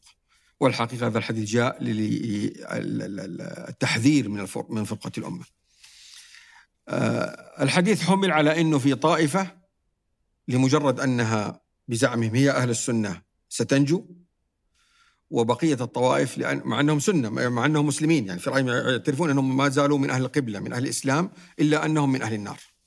هذه هذا الظاهر لا يقول به أصل من أصول الشريعة ولا يقول بحرفيته عالم من العلماء، يعني لا يقول عالم بأن كل سنيين سيكون من أهل الجنة قطعا. إذا كان فاسق وهو سني في المعتقد. قد يعرض للعقوبة صحيح ولا لا؟ نحن نعتقد ذلك. وإذا كان شخص مبتدع متأول يظن نفسه على حق وهو عابد وصالح وتقي ويخاف الله عز وجل ويعني يطبق الأحكام الدينية حسب معتقده ويحسن إلى الناس ولا يؤذي أحد معذور هذا معذور هو يظن نفسه على حق إذا هذا ما عذر عند الله عز وجل من الذي سيعذر بالله هو يظن نفسه على حق من الذي سيعذر فكلها في النار إلا واحدة أن يعتقد أنه في طائفة كلها ناجية بكل ما فيها هذا لا يقول بحرفيته أحد من علماء المسلمين. الجميع يقول كل إنسان يحاسب بحسب أعماله إن كانت أعماله صالحة سيحاسب عليها وإن كانت أعماله سيئة. والجميع معرض لمغفرة الله يعني حتى بالمناسبة حتى البدعي قد يدخل الجنة قبل السني إذا غفر الله له. لأن القاعدة إن الله لا يغفر أن يشرك به ويغفر ما دون ذلك. وهذا مما دون ذلك مما قد يغفر الله عز وجل حتى البدعة. قد يغفر الله سبحانه وتعالى. ولا قائل بأن البدعة لا تغفر عند الله سبحانه وتعالى. فما أدرك قد يغفر الله له ويدخل الجنة قبلك. فكيف تفهم كلها في النار؟ كلها في النار إلا واحدة. الفهم الصحيح عندي أنا للحديث هذا أن الحديث ما جاء ليتكلم عن الفرق التي هي داخل دائرة الإسلام. وإنما يتكلم عن الفرق المنتسبة للإسلام وهي ليست منه قطعا. ما أبغى أسمي بعض الأسماء هذه لكن الفرق الباطنية القديمة مثلا التي هي ليست من الإسلام في شيء لكن تدعي الإسلام. وفي فرق إلى الآن طبعا موجودة إلى اليوم بهذه الطريقة يعني. فهؤلاء هم الذين أخبر عنهم النبي عليه الصلاة والسلام. أما أن نحملها على الفرق التي هي متأولة وتظن نفسها على حق وأقول كلهم في النار إلا واحدة ثم ابتدي كل فرقة تزعم هذه هذه الصفة لنفسها. تقول أنا الفرقة الناجية وأنا الطائفة المنصورة. كل طوائف أهل السنة يقول نحن على ما عليه النبي عليه الصلاة والسلام وأصحابه. يعني الصوفية يقول نحن امتداد لأصحاب الصفة والنبي عليه الصلاة والسلام. الأشعرية يقول نحن إنما نؤيد عقائد الصحابة والسلف بالأدلة العقلية. السلفية المعاصرة تقول نحن امتداد للسلف الصالح والنبي عليه الصلاة والسلام. كل الطوائف تنتسب للسلف الصالح كلها. وحتى الشيعة ترى بالمناسبة لهم سلفهم الخاص. يعني صحيح آه، أبعدوا جزء كبير من الصحابة لكن عندهم طائفة من الصحابة يعتقدون هم الذين حملوا لهم الدين. بداية بداية طبعا بآل بيت النبي عليه الصلاة والسلام علي وفاطمة والحسن والحسين وأئمتهم. مع بقية قلة من الصحابة يزيدون أو يقلون بحسب اختلاف طوائف الشيعة يعني. فكل طوائف المسلمين التي ما زالت تحت دائرة الإسلام هي عندها سلفها الصالح وعندها سدتها التي تعتقد أنها هي الناقلة للشريعة مع القرآن الكريم. فالمقصود أنه هذا الحديث إذا حملناه بهذا المعنى صار ما له علاقة بتفريق الأمة. إذا حملناه على الطوائف المنتسبة للإسلام وليست من الإسلام في شيء. تنتسب الإسلام اسما. يعني أنا أذكر طائفة من الطوائف التي حتى مصنفة في الكتب أنها من, من هذه الطوائف يعني تنتسب الإسلام كأنهم لاحظوا في الفترات الأخيرة, الأخيرة مع الحريات في دولة إسلامية قريبة مننا في تركيا بكل صراحة يعني طائفة معينة تنتسب الإسلام في تركيا. شفت قبل فترة قبل سنين يعني في إحدى البرامج الفضائية في إحدى الفضائيات لقاء مع كبيرهم. صار يقول بصريح العبارة يقول نحن لسنا مسلمين. بصريح العبارة يقول نحن دين آخر عاملون كأننا يهود أو نصارى أو أو دين آخر. صريح العبارة يعني مع أنهم طوال التاريخ كانوا يحسبون أو يزعمون أنهم مسلمون يعني يريدون أن يدخلوا ضمن طائفة المسلمين لكن ما صار في حريات وهم بس إيش فرقهم كيف؟ إيش فرقهم عن المسلمين؟ آه دين آخر مختلف تماما يعني لا لا يؤمنون بلا إله إلا الله محمد رسول الله إيه لا يؤمنون بها توحيد أيوة يعني أيوة. ما عندهم توحيد ما في توحيد ابدا طب وين يشبهون المسلمين؟ كانوا يتلبسون يعني يعني بكل صراحة كانوا يؤلهون علي بن أبي طالب صريحا. يعني زي مثلا طائفة اللي اسمها النصيرية القديمة يقولون لا إله إلا حيدر. صريح العبارة يعني. يعني ما يعني إيش تقول فيهم هذول؟ خلاص انتهينا. ومع ذلك يقولون إحنا مسلمين. لأنه كان في أول ضغوط يبغوا يظهروا إنهم ضمن طائفة المسلمين. وطبعا هي في العادة طوائف باطنية يعني. حتى دينها ترى بالمناسبة إنما يعرفه قلائل من مشايخ الطائفة. أما عامة عامة المنتسبين إليهم ممكن تجد بعضهم تلاقيه مسلم ترى هو مو داري. عاش بين المسلمين ودرس مدارسهم وكذا وهذا. لكن إذا صار رأس في الطائفة اتعلم العقائد لأنها عقائد باطنية مبنية على الاختفاء والتخفي. ليست مكشوفة. بالمناسبة يعني أنا أقول دائما من مزايا الإسلام حقيقة أنه أكثر الأديان انكشافا ووضوحا. يعني شعاره الأكبر يعلن في كل يوم على المنابر الله أكبر الله أكبر أشهد أن لا إله إلا الله محمد رسول الله. لو جئتك مثلا أسأل أي نصراني أو أي واحد صاحب دين آخر يبي يعرف حكم قضية من القضايا في الإسلام سهل يفتح اي كتاب فقهي ويكتشف. لكن لو سألت يمكن بعض النصارى الآن إيش حكم النصرانية في شرب الخمر؟ بعضهم يمكن ما يدري والله هي حلال ولا حرام في دينهم ما هو خفي. ولو سألت أكثر المسلمين حتى اللي عايش بينهم نصارى إيش حكم؟ كثير من الأشياء من الدين النصارى ما يعرف بخلاف النصراني الذي يعيش بين المسلمين يعرف. الإسلام منكشف واضح معالي ما عنده باطنية ما عنده تخفي ما عنده بالفعل رهبنة. الدين الإسلامي وإن كان في بعضهم مارس الرهبنة وهو رجال دين من المسلمين. فالمقصود إنه إنه هذه أديان باطنية أصلا معتمدة على التخفي منتسبه الإسلام وليست من الإسلام. هذه الطوائف وهي كثيرة وليست قليلة بالفعل ويكفرها كل المسلمين. ترى يعني بعض الطوائف حتى الشيعة الجعفرية الإمامية يكفرونهم وهم ينتسبون للشيعة. يعني الشيعة الاثني عشري يكفر اللي يقول لا إله إلا حيدر. طبعا طبعا. يعني مثلا في طائفة يقال لهم الخطابية مذكورة منذ أمد التاريخ في كتب آه، العقائد عندنا وعندهم. الشيعة الإمامية الجعفرية اللي موجودين في إيران وعندنا وفي ك... يكفرونهم. كتبهم تصرح بتكفيرهم. طيب آه، خلصنا من الدائرة الثانية. أيه. فننتقل للدائرة الثالثة. في نفس المسلم السني آه، من أهل السنة انقسموا إلى أربع مذاهب. ليش الانقسام أصلا؟ جميل. آه سبب الانقسام أو تعدد الاجتهادات آه، الشريعة أراد الله سبحانه وتعالى كما ذكرنا سابقا أن تكون هناك أصول متفق عليها آه، آه، جعل الله عز وجل معرفتها قطعية في الكتاب والسنة كأركان الإيمان وأركان الصلاة وما إلى ذلك إجمالا لكن حتى في هذه الأصول هناك داخلها فروع ودقائق أراد الله عز وجل أن تكون مجالا للاجتهاد والاختلاف. وهذا كان في مصلحة عظيمة للإسلام. من مصالح قبل يعني أكمل في في ذكر أسباب الاختلاف. من مصالح هذا الاختلاف تخيل لو أن الإسلام جاء بالأحكام كلها قطعية. وما في مجال أنه أحد يجتهد ويعرفها. لن يصبح هناك تنافس في تعلم على علوم الشريعة. خلاص كأنها مواد قانون. واحد زائد واحد يساوي اثنين.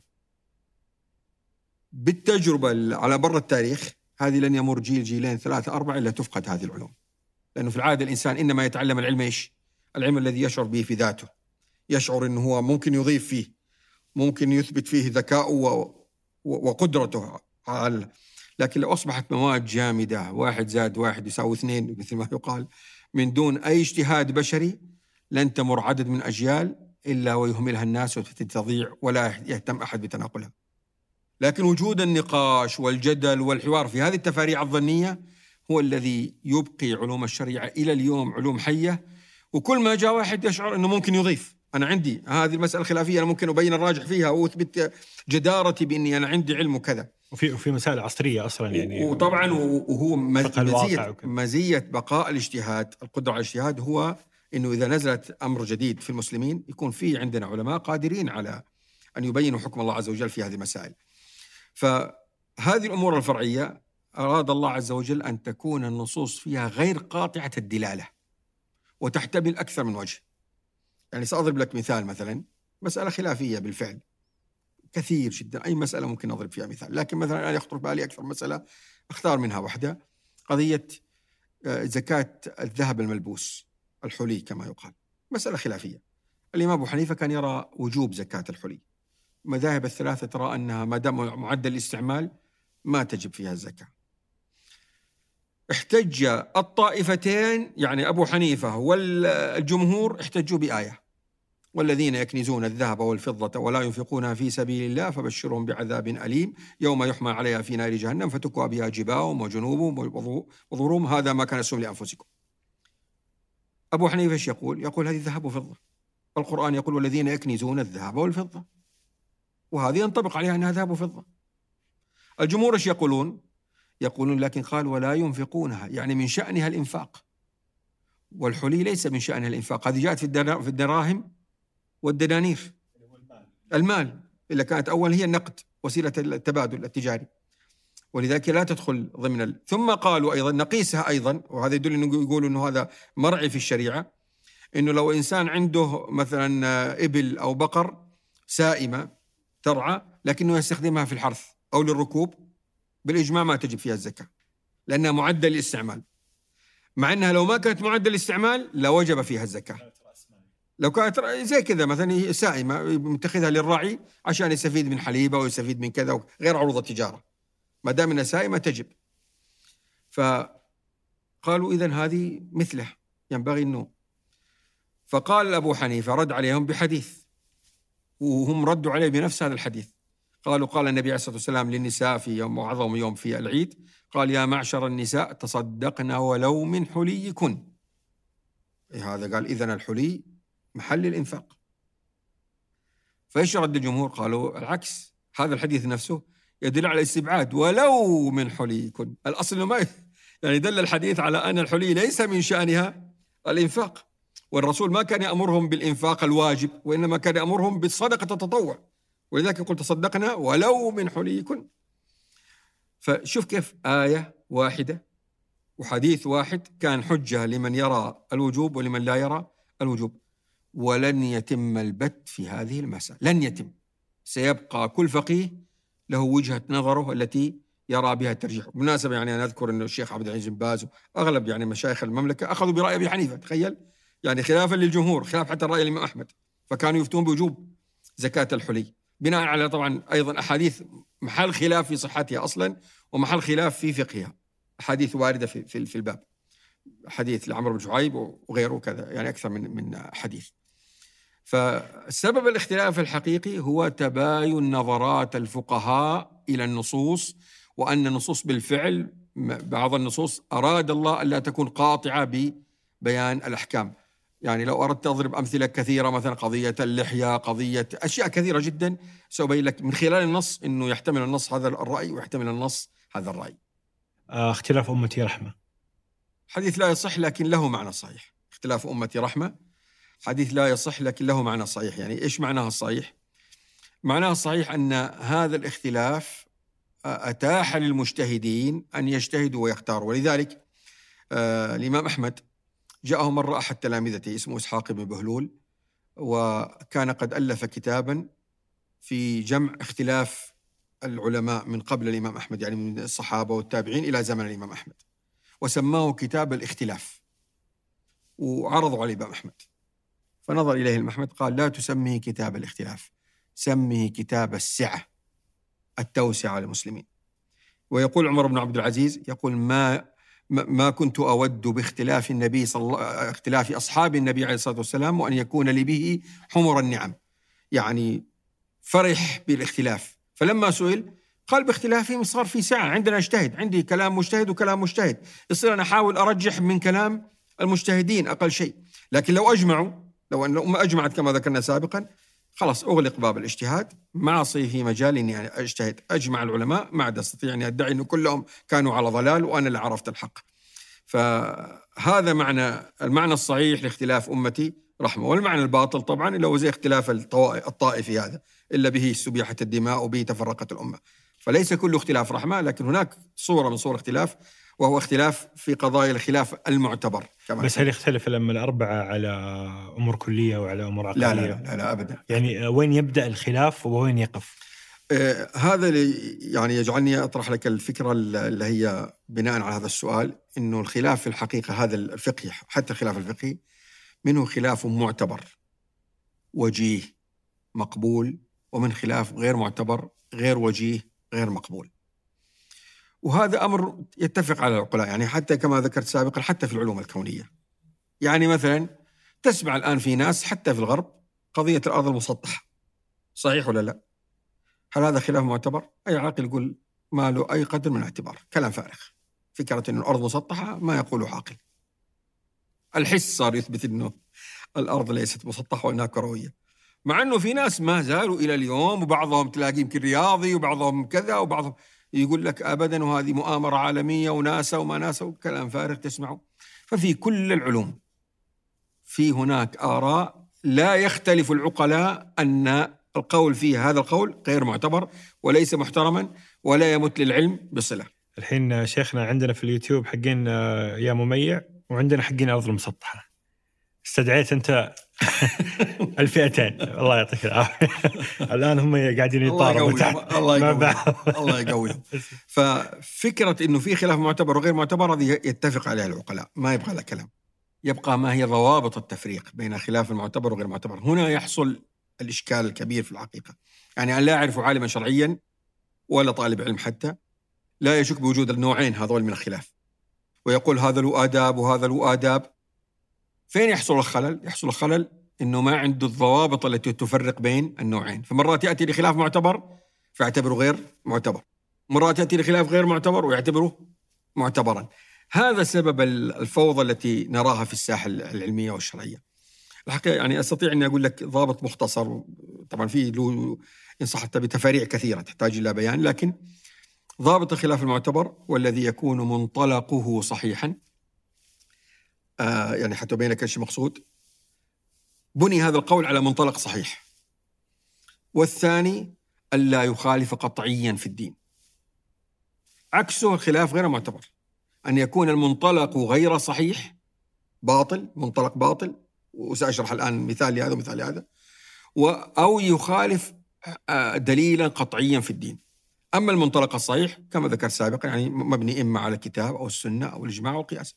هذا منطلق صحيح. وإن كانت النتيجة خطأ. يعني مثلا واحد فهم الآية فهما خاطئا وهو فهم محتمل مو فهم مقطوع ببطلانه. كما ذكرنا سابقا يعني آه، خلاف الفقهاء في هذه القضية. لا شك أنه كان الجمهور يرون أبا حنيفة مخطئا وأبو حنيفة يرى الجمهور مخطئين. لكن لا هذا يقطع بخطأ هؤلاء ولا هؤلاء يقطعوا بخطأ هذا. فالاحتمال وارد يعني هم يفهمون هذا الشيء. العبارة الشهيرة تنسب للشافعي وهي صحيحة المعنى. قولي خطأ قولي صواب يحتمل الخطأ وقول غيري خطأ يحتمل الصواب. هذه القاعدة المعمول بها في الخلاف المعتبر. لأن الأصل صحيح. الأصل اللي انطلق منه صحيح. ولا يعارض دليلا مقطوعا به. فلو جاني واحد مثلا وقال مثلا يجوز أن تنكح المرأة على عمتها أو على خالتها. قطعا كلامه هذا باطل. ليش؟ لأنه في عندي نص صحيح عن النبي عليه الصلاة والسلام وأجمع الفقهاء عليه. وهو أن المرأة لا تنكح على عمتها ولا على خالتها. مع أنه هذا ليس في القرآن. القرآن ما يدل بالعكس ظاهر القرآن وأحل لكم ما وراء ذلكم. كأنه هذا جائز. إنما حرم الجمع بين الأختين نص القرآن. لكن ما جم ما ذكر قضية آه، الجمع بين المرأة وعمتها والمرأة وخالتها. إلا أن النص صريح في الحديث في الحديث النبوي. لا تنكح المرأة على عمتها ولا على خالتها. وأجمع الفقهاء من جميع المذاهب عليه. أن المرأة لا تنكح على عمتها ولا خالتها. والحكمة من ذلك واضحة. ألا يصير في قطيعة رحم. في العادة المرأة إذا يعني هذا يصير قطيعة. وهذه عمة وخالة ما يليق أنها تصير النزاع اللي يصير بين الضرات بسبب هذا الأمر. يريد الإسلام أنه تبقى صلة العوائل هذه بالذات مع الخالة والعمة أن تبقى هذه في منزلة الأب وهذه في منزلة الأم.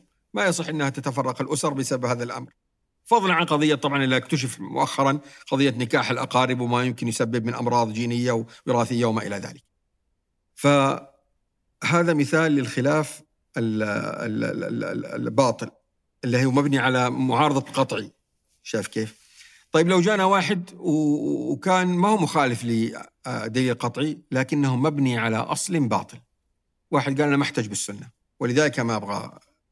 حتى لو كان قوله قال به فقيه بناء على أصل صحيح سيكون قول هذا الشخص قول باطل غير معتبر. ليش؟ لأنه بناء على أصل باطل. ولذلك يتكلم العلماء قديما على قضية الظاهرية الذين يرفضون القياس. فاختلفوا فيهم اختلافا كبيرا لأن القياس مصدر شرعي متفق عليه. فهل يكون خلافهم معتبر ولا غير معتبر؟ في خلاف واسع بين العلماء في ذلك. الراجح أنه إذا كان خلاف الظاهرية مبني على رفض القياس يكون خلافهم غير معتبر. وإذا كان لا والله على فهم النص لا هم عندهم قدرة على فهم النص. على صحة حديث هم عندهم علماء في هذا الباب. ولذلك مثلا لما جاء ابن حزم وقال في له آراء غريبة ابن حزم يعني بسبب الظاهرية هذه اللي هو عدم النظر في علة النص.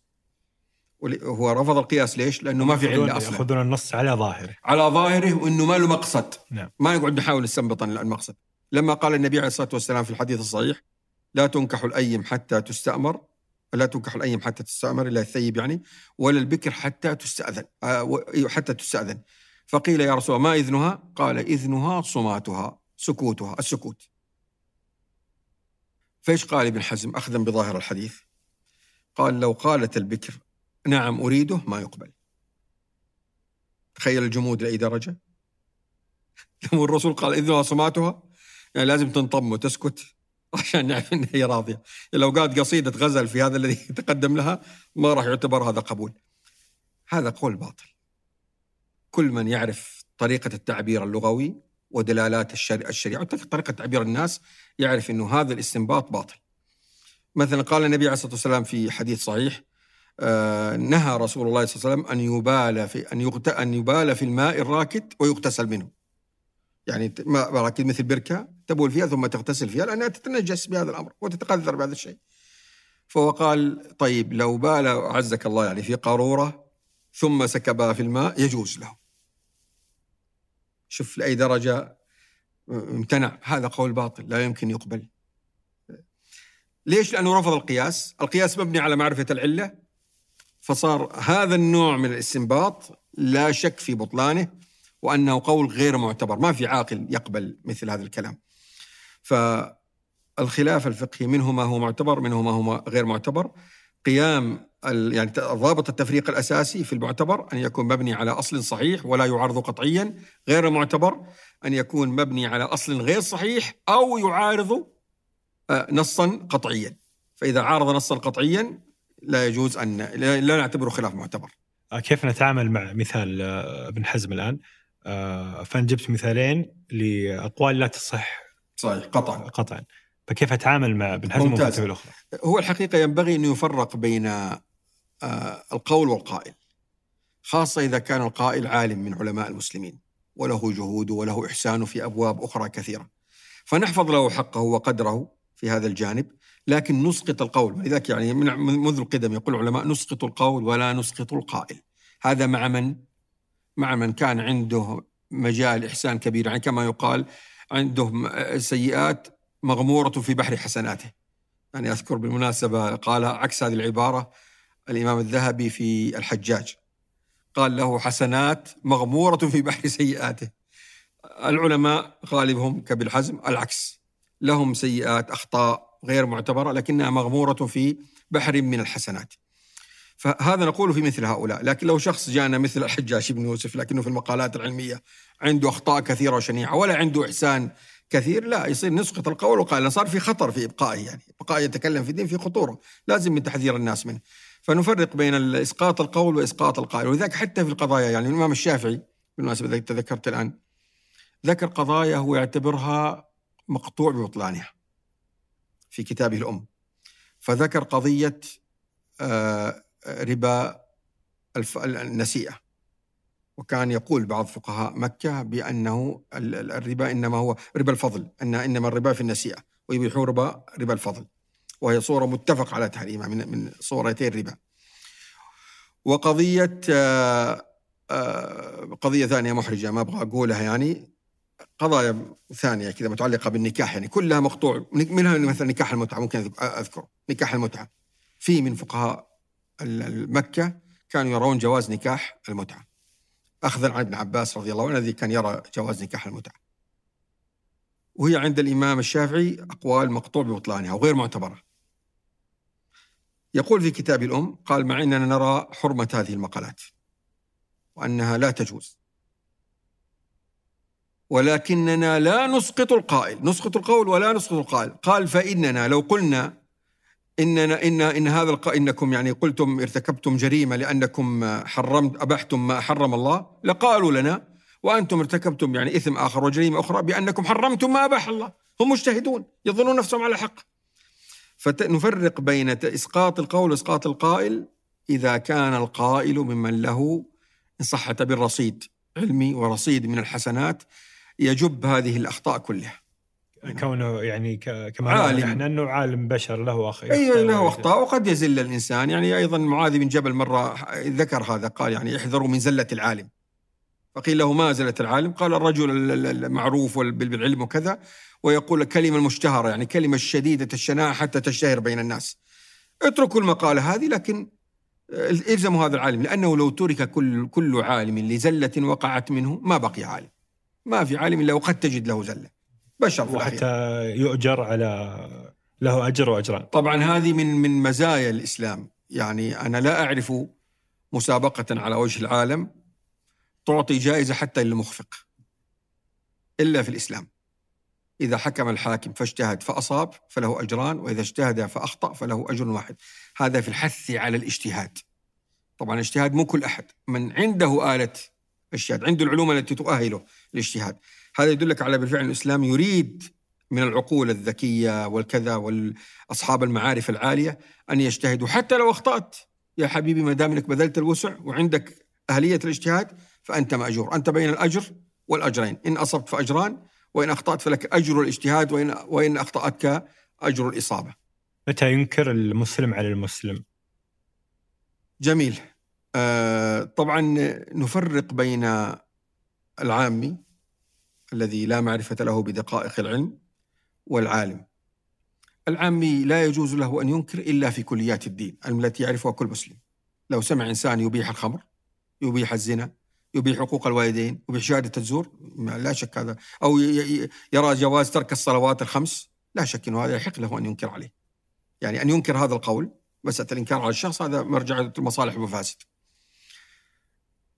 آه، أما العالم الذي يدخل في تفاصيل القضايا ويعرف ما هو الخلاف المعتبر وما هو الخلاف غير المعتبر فإنه آه، يجوز له أن ينكر في الخلاف. غير المعتبر. أما الخلاف المعتبر فلا يجوز الإنكار فيه لأحد من الناس لا عالم ولا غيره وهذا بالإجماع ترى. يعني كل العلماء على ذلك أن الخلاف المعتبر لا إنكار فيه. ودليلهم على ذلك أن الصحابة اختلفوا.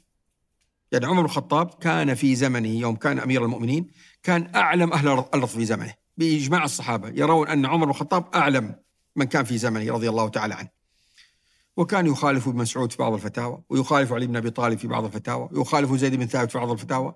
لا هو يلزمهم مع إنه خليفة يعني حتى عنده سلطة. لا هو يلزمهم برأيه ولا هم يلتزمون برأيه ويسمع ولا أحد ينكر على الثاني. ليش؟ لأنه خلافهم في هذه القضايا الظنية التي قلنا انه رأي صواب يحتمل الخطأ وغير غير خطأ يحتمل الصواب لما يصدر من أحد منهم أو يرى إنه أحد منهم خالف في أمر قطعي عندها ممكن يناقش ويجادل وقد قد يرد عليه وقد كذا حتى لو كان من أصحاب النبي عليه الصلاة والسلام مثل قصة تذكر لعلي بن أبي طالب مع ابن عباس في قضية نكاح المتعة. وأيضا في كان لابن عباس أيضا رأي في تحريم الحمر الأهلية، كان يرى أنها إنما حرمت من أجل أنها كانت مركوبة لم تحرم لذاتها. ابن عباس رضي الله عنه. يعني يرى في أنها- أكل الح- هي الحمر الأهلية ورد حديث أن النبي حرمها يوم خيبر فاختلف الفقهاء نهى عن أكلها يوم خيبر فاخت... عامة الفقهاء على أنها محرمة. لكن في رأي لبعض الفقهاء ومنهم ابن عباس أنها حرمت لعلة وهي أنها كانت مركوب الجيش في ذلك الوقت فلو قتلت ما وجد الناس شيء يركبونه وأنها مثلها مثل بقية الأنعام لأنها ليست بذاب ليست من السباع ليست ذات ناب ولا بخلاب وبالتالي حكمها حكم بقية الأنعام التي تأكل الأعشاب. فشوف هذا مثلا مثال ل... بالمناسبة يعني أنا أذكر لك قضية الاجتهاد هذه مناسب أني أذكرها الآن. حديث النبي عليه الصلاة والسلام لا يصلين أحد العصر أو الظهر في الرواية الأصح إلا في بني قريظة. شوف هذا حديث كأنه قطعي الدلالة. لأنه يقول النبي عليه الصلاة والسلام لا يصلين أحد. يعني خطاب لمجموعة خاصة. هو ما هو خطاب للأمة كلها. خطاب لمن كان يخاطبهم النبي عليه الصلاة والسلام. وأحد يعني صيغة آه، على قول نكرة على قول الأصوليين في سياق الن- الن- النهي فتعم. و- وصيغة أحد بالذات يقول بعض الأصوليين أنها نص في العموم. يعني كل من كانوا يخاطبون العصر أو الظهر إلا في بني قريظة. الحديث في البخاري. اختلف الصحابة فيه. فمنهم من فهم أن مقصود النبي التعجيل. ما ما أخذ بظاهر اللفظ. مقصود أنه عجلوا في الذهاب إلى بني قريظة. ومنهم فهم اللفظ. وانه ينبغي إني ما أصلي حتى لو فات الوقت إلا في بني قريظة. بعد ما انتهت المعركة رفع الخلاف هذا للنبي عليه الصلاة والسلام. لم يعنف النبي عليه الصلاة والسلام ولا طائفة. ف- فانقسموا إلى فريقين فريق صلوا صلوا في بني قريظة وفي. ناس تعجلوا بناء على ذلك لم يعنف النبي إحدى الطائفتين. مع إنه لا لا شك أن النبي كان يقصد أحد ال- الفقهين. ما كان يقصد الأمرين. طبعا والذي أرجح أنا وواضح الدلالة أنه كان يقصد التعجيل. ليش؟ لأنه لو كان النبي عليه الصلاة والسلام يقصد آه، أن لا يصلى يصلي أحد العصر إلا في بني قريظة وأنه هذا مقصوده بالفعل لا يقصد التعجيل لكان لام الذين خالفوا مقصده ولفظه يعني الذين تعجلوا الصلاة هم قالوا أراد النبي التعجيل ونحن عندنا دواب ونستطيع أن نتعجل في الذهاب ربما أسرع من بعض الذي ليس له دابة ويريد أن يمشي حتى يذهب إلى بني قريظة فأدينا الغرض. فلو كان يريد النبي عليه الصلاة والسلام ظاهر اللفظ لكان الذين تعجلوا خالفوا ظاهر اللفظ وخالفوا المقصد. لكن الذين خالفوا المقصد ولا وتمسكوا باللفظ حجتهم نحن التزمنا بظاهر لفظك يا رسول الله. لا يمكن يلامون. نحن فهمنا ما. ظاهر اللفظ. لكن لو الذين خالفوا اللفظ بادعاء فهمهم المقصد كانوا مخطئين لاستحقوا اللوم. لأنهم لا أخذوا باللفظ ولا وافقوا المقصد النبوي. هذا يدل على أنه يعني وهذه صورة من صور الن- النصوص الشرعية التي جاءت في الشرع وجاز للمجتهدين أن يجتهدوا فيها ولا يعنف على واحد منهم مع الميل إلى تصحيح أحد الوجهين. وهذا يبين لك أيضا بالمناسبة أحد أسباب الاختلاف. طريقة التفكير مختلفة. بعض الناس يتعمق في النص وينظر في مقاصده وبعض الناس لا يريد السلامة إن صح التعبير يعني كأنه يقول إذا سألني الله عز وجل يوم القيامة لماذا قلت؟ ظاهر لفظ يقول ذلك. أنا هذا أسلم لي. الثاني يقول لا الأسلم أنا أعرف مقصد مراد المتكلم هذا الأسلم لي عند الله عز وجل. فأسلوب تناول الفقهاء للنص الشرعي يختلف من شخصية لشخصية. حتى ترى الميل للاحتياط طبيعة في بعض الناس. الميل للأخذ بالأيسر والأيس والأسهل طبيعة في بعض الناس. لا يمكن زوالها في في البشرية. والفقهاء من من هؤلاء البشر. منهم من يميل للاحتياط ومنهم من يميل لليسر والسهولة بطبيعته يعني. أجتهد الأئمة الأربعة في هذاك الزمان. ثم يعني لا نجد اليوم آه، إمام بحجم الأئمة الأربعة رحمهم الله ولا نجد حتى مذهب جديد. فما موقفكم من التجديد؟ ولماذا لم يعني لماذا ما أنتجت الامه مذاهب جديده؟ آه طبعا لا التجديد مطلوب. وما زال العلماء يمدحون آه علماء بأنهم كانوا مجددين. وفي حديث ثابت عن النبي عليه الصلاة والسلام إن الله يبعث على رأس كل مئة عام لهذه الأمة من يجدد لها أمر دينها. لكن آه هناك فرق بين مفهومنا للتجديد الذي هو يذكر العلماء جميعا وهو للتجديد المطلوب شرعا صورتان أو إن صح التعبير منطلقان المنطلق الأول هو إحياء آلة الاجتهاد التي كانت موجودة عند فقهاء أصحاب النبي عليه الصلاة والسلام والأئمة الأربعة. آلة الاجتهاد التي مكنتهم من إبداع هذا الفقه العظيم. لا الجمود على تفاريع المسائل والأقوال وإنما أنمي آلة الاجتهاد عند الفقيه وعند المتعلم حتى يستطيع هو نفسه. حتى لو ما اجتهد حتى لو ما طلع رأي جديد لكن يفهم بكل عمق لماذا قال الفقيه هذا الرأي الذي قاله منذ ألف سنة أو أكثر أو أقل ويعرف إذا أراد أنه يخالف ليش يخالف وكيف يخالف. آلة الاجتهاد تكون واضحة وبينة. الأمر الثاني على مر العصور كما ذكرت سابقا تراكمت أخطاء كثيرة في تراثنا. ما هو كل تراثنا صواب؟ كلنا نعرف هذا الشيء. تراثنا فيه الصواب وفيه الخطأ وفيه القول المعتبر وفيه القول غير المعتبر. وفيه القول المقبول وفيه القول الساقط تماما ولا ينبغي أنه ينفى تماما. فمعرفة الصواب في تراثنا وتنقية التراث من هذا الأمر لا يمكن إلا بالتجديد. سأضرب لك مثال عملي متعلق أيضا بصورة الخلاف الأول اللي هي قضية الخلاف بين المسلم والكافر وغير مسلم. يعني مثلا مسألة الجزية. جاء في كتاب الله عز وجل عن الجزية قال حتى يعطوا الجزية عن يد وهم صاغرون. فهم بعض الفقهاء المتأخرين من هذه الآية أنه يجب أنه يدفع الجزية الذمي وهو في حالة إذلال. يعني حتى بعضهم قال يؤخذ بتلابيبه ويسحب وبعضهم قال ينبغي أن يكون الذي يأخذ من الجزية جالس في الظل وهذا واقف في الشمس. يعني صور إذلال كذا. وهذه ما قالها يعني شخص ولا شخصين. قالها جمع من الفقهاء من المذاهب الأربعة. يعني تجد كتب معتمدة في الفقه الحنفي قالت هذا الكلام. كتب معتمدة في الفقه المالكي قالت هذا الكلام. كتب معتمدة في الفقه الشافعي في الفقه الحنبلي تقرر هذا الكلام. هذا موجود في تراثنا. وجاء في تراثنا ما ينقض هذا كله. يعني مثلا ابن الصلاح والنووي من الشافعية مثلا لما ذكروا هذا الكلام قالوا كله كلام باطل وكله خطأ. لا فعل النبي عليه الصلاة والسلام ولا فعل الخلفاء الراشدون. وقالوا ونص ونص إمامنا الشافعي وهذا بالفعل كلام الإمام الشافعي فسر الصغار هنا بإيش؟ حتى يعطوا الجزية عن يد وهم صاغرون قال هو الرضوخ لحكم الإسلام. حتى قال أحد الأئمة بن الرفعة من الشافعية قال يكفيه ذلا أن يرضى بأن يكون تحت حكم الدولة الإسلامية. يعني بالضبط بكل صراحة زي لما أجي أنا بروح مثلا لدولة أوروبا وأخذ الفيزا. الفيزا. وأدفع فلوس وأنا مقر غصبا عني وتنت... اني سأخضع لقوانين الدولة. وتنتظر الموافقة. وانتظر الموافقة. و... و... وأفرح و... ولا وأنا ملتزم بقوانين هذه الدولة مع إني عارف بعض قوانينها تخالف ديني. شايف كيف؟ هو هذا. الجزية هي رمز من أجل أنا أعيش في الدولة الإسلامية لكني ملتزم بأحكامها. ليستشعر دائما غير المسلم صحيح نحن نسمح لك ممارسة دينك وشعائرك وبكل حرية لكن ترى تحت إطار الدولة الإسلامية وأحكامها. لاحظ كيف؟ فشوف كيف هنا الخطأ هذا الكبير الذي تداوله كثير من الفقهاء جاء فقهاء آخرون وقبل الهزيمة النفسية حتى لا يقال تميع لا وبينوا خطأ هذا الكلام وأنه لا فعله الرسول ولا الخلفاء الراشدون وله صحيح أنه ينسب للشريعة الإسلامية. فنحتاج التجديد في هذين الأمرين. بهذين الأمرين إذا إذا تمكنا منهما هي قضية تنقية التراث وتمكين الآلة الاجتهادية سنوجد فقهاء إذا نزلت نازلة المسلمين أو شيء جديد سيكون قادر على أن يبين حكم الله عز وجل في هذه النوازل الجديدة، القضايا الجديدة التي لم يتكلم عنها الفقهاء. الذي يعترض عليه يعني العلماء الواعون والفاهمون لباب التجديد إنه يزعم مثلا إنه يأتي شخص ما عنده آلة اجتهاد وبيجتهد.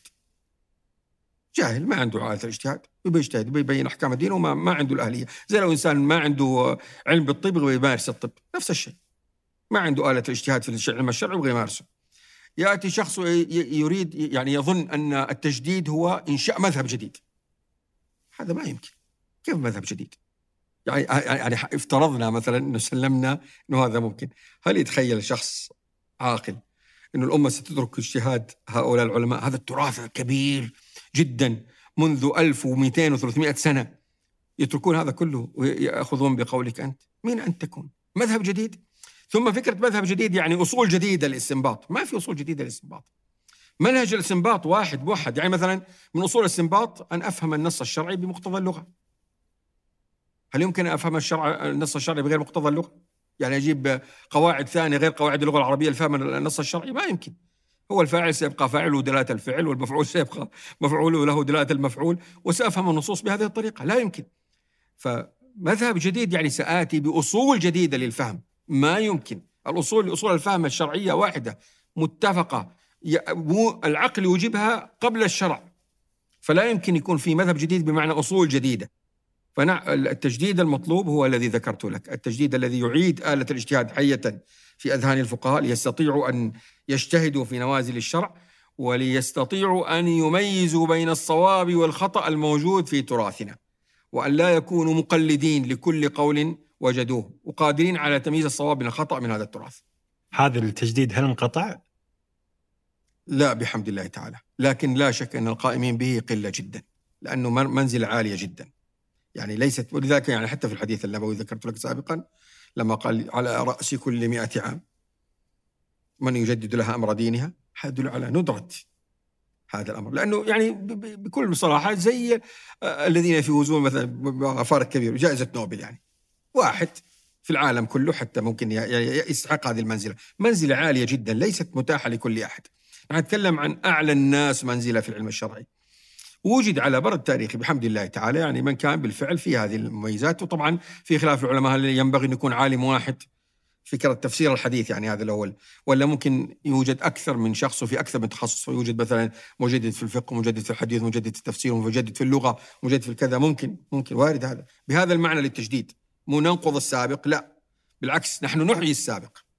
يعني نريد أن نعيد آلة الاجتهاد التي كان عليها الصحابة رضوان الله عليهم والأئمة المتبوعون الإمام أبو حنيفة ومالك والشافعي وأحمد. جزاك الله خير. وإياكم. يعني هذا الضيوف الشرعيين يريحون في الإعداد لأنه ما شاء الله عندهم آه، انضباط في الأفكار فواضح واضح الطريق معهم بس يتعبونا في اللقاءات الصراحة. يستهلك جهد ذهني عالي جدا للمتابعة. الله يجزاكم بالخير ويكتب لكم. اجر إن شاء الله. الله يسلمكم. شكرا لكم وشكرا لفريق مربع العظيم. عمل على هذه الحلقة في الإعداد عبد الكريم العدواني ودكتور براء حلواني. في التصوير عبد الرحمن العطاس في التسجيل والهندسة الصوتية يوسف إبراهيم. في التحرير عدي عيسى وفي التلوين عبد المجيد العطاس. في الإنتاج أيمن خالد.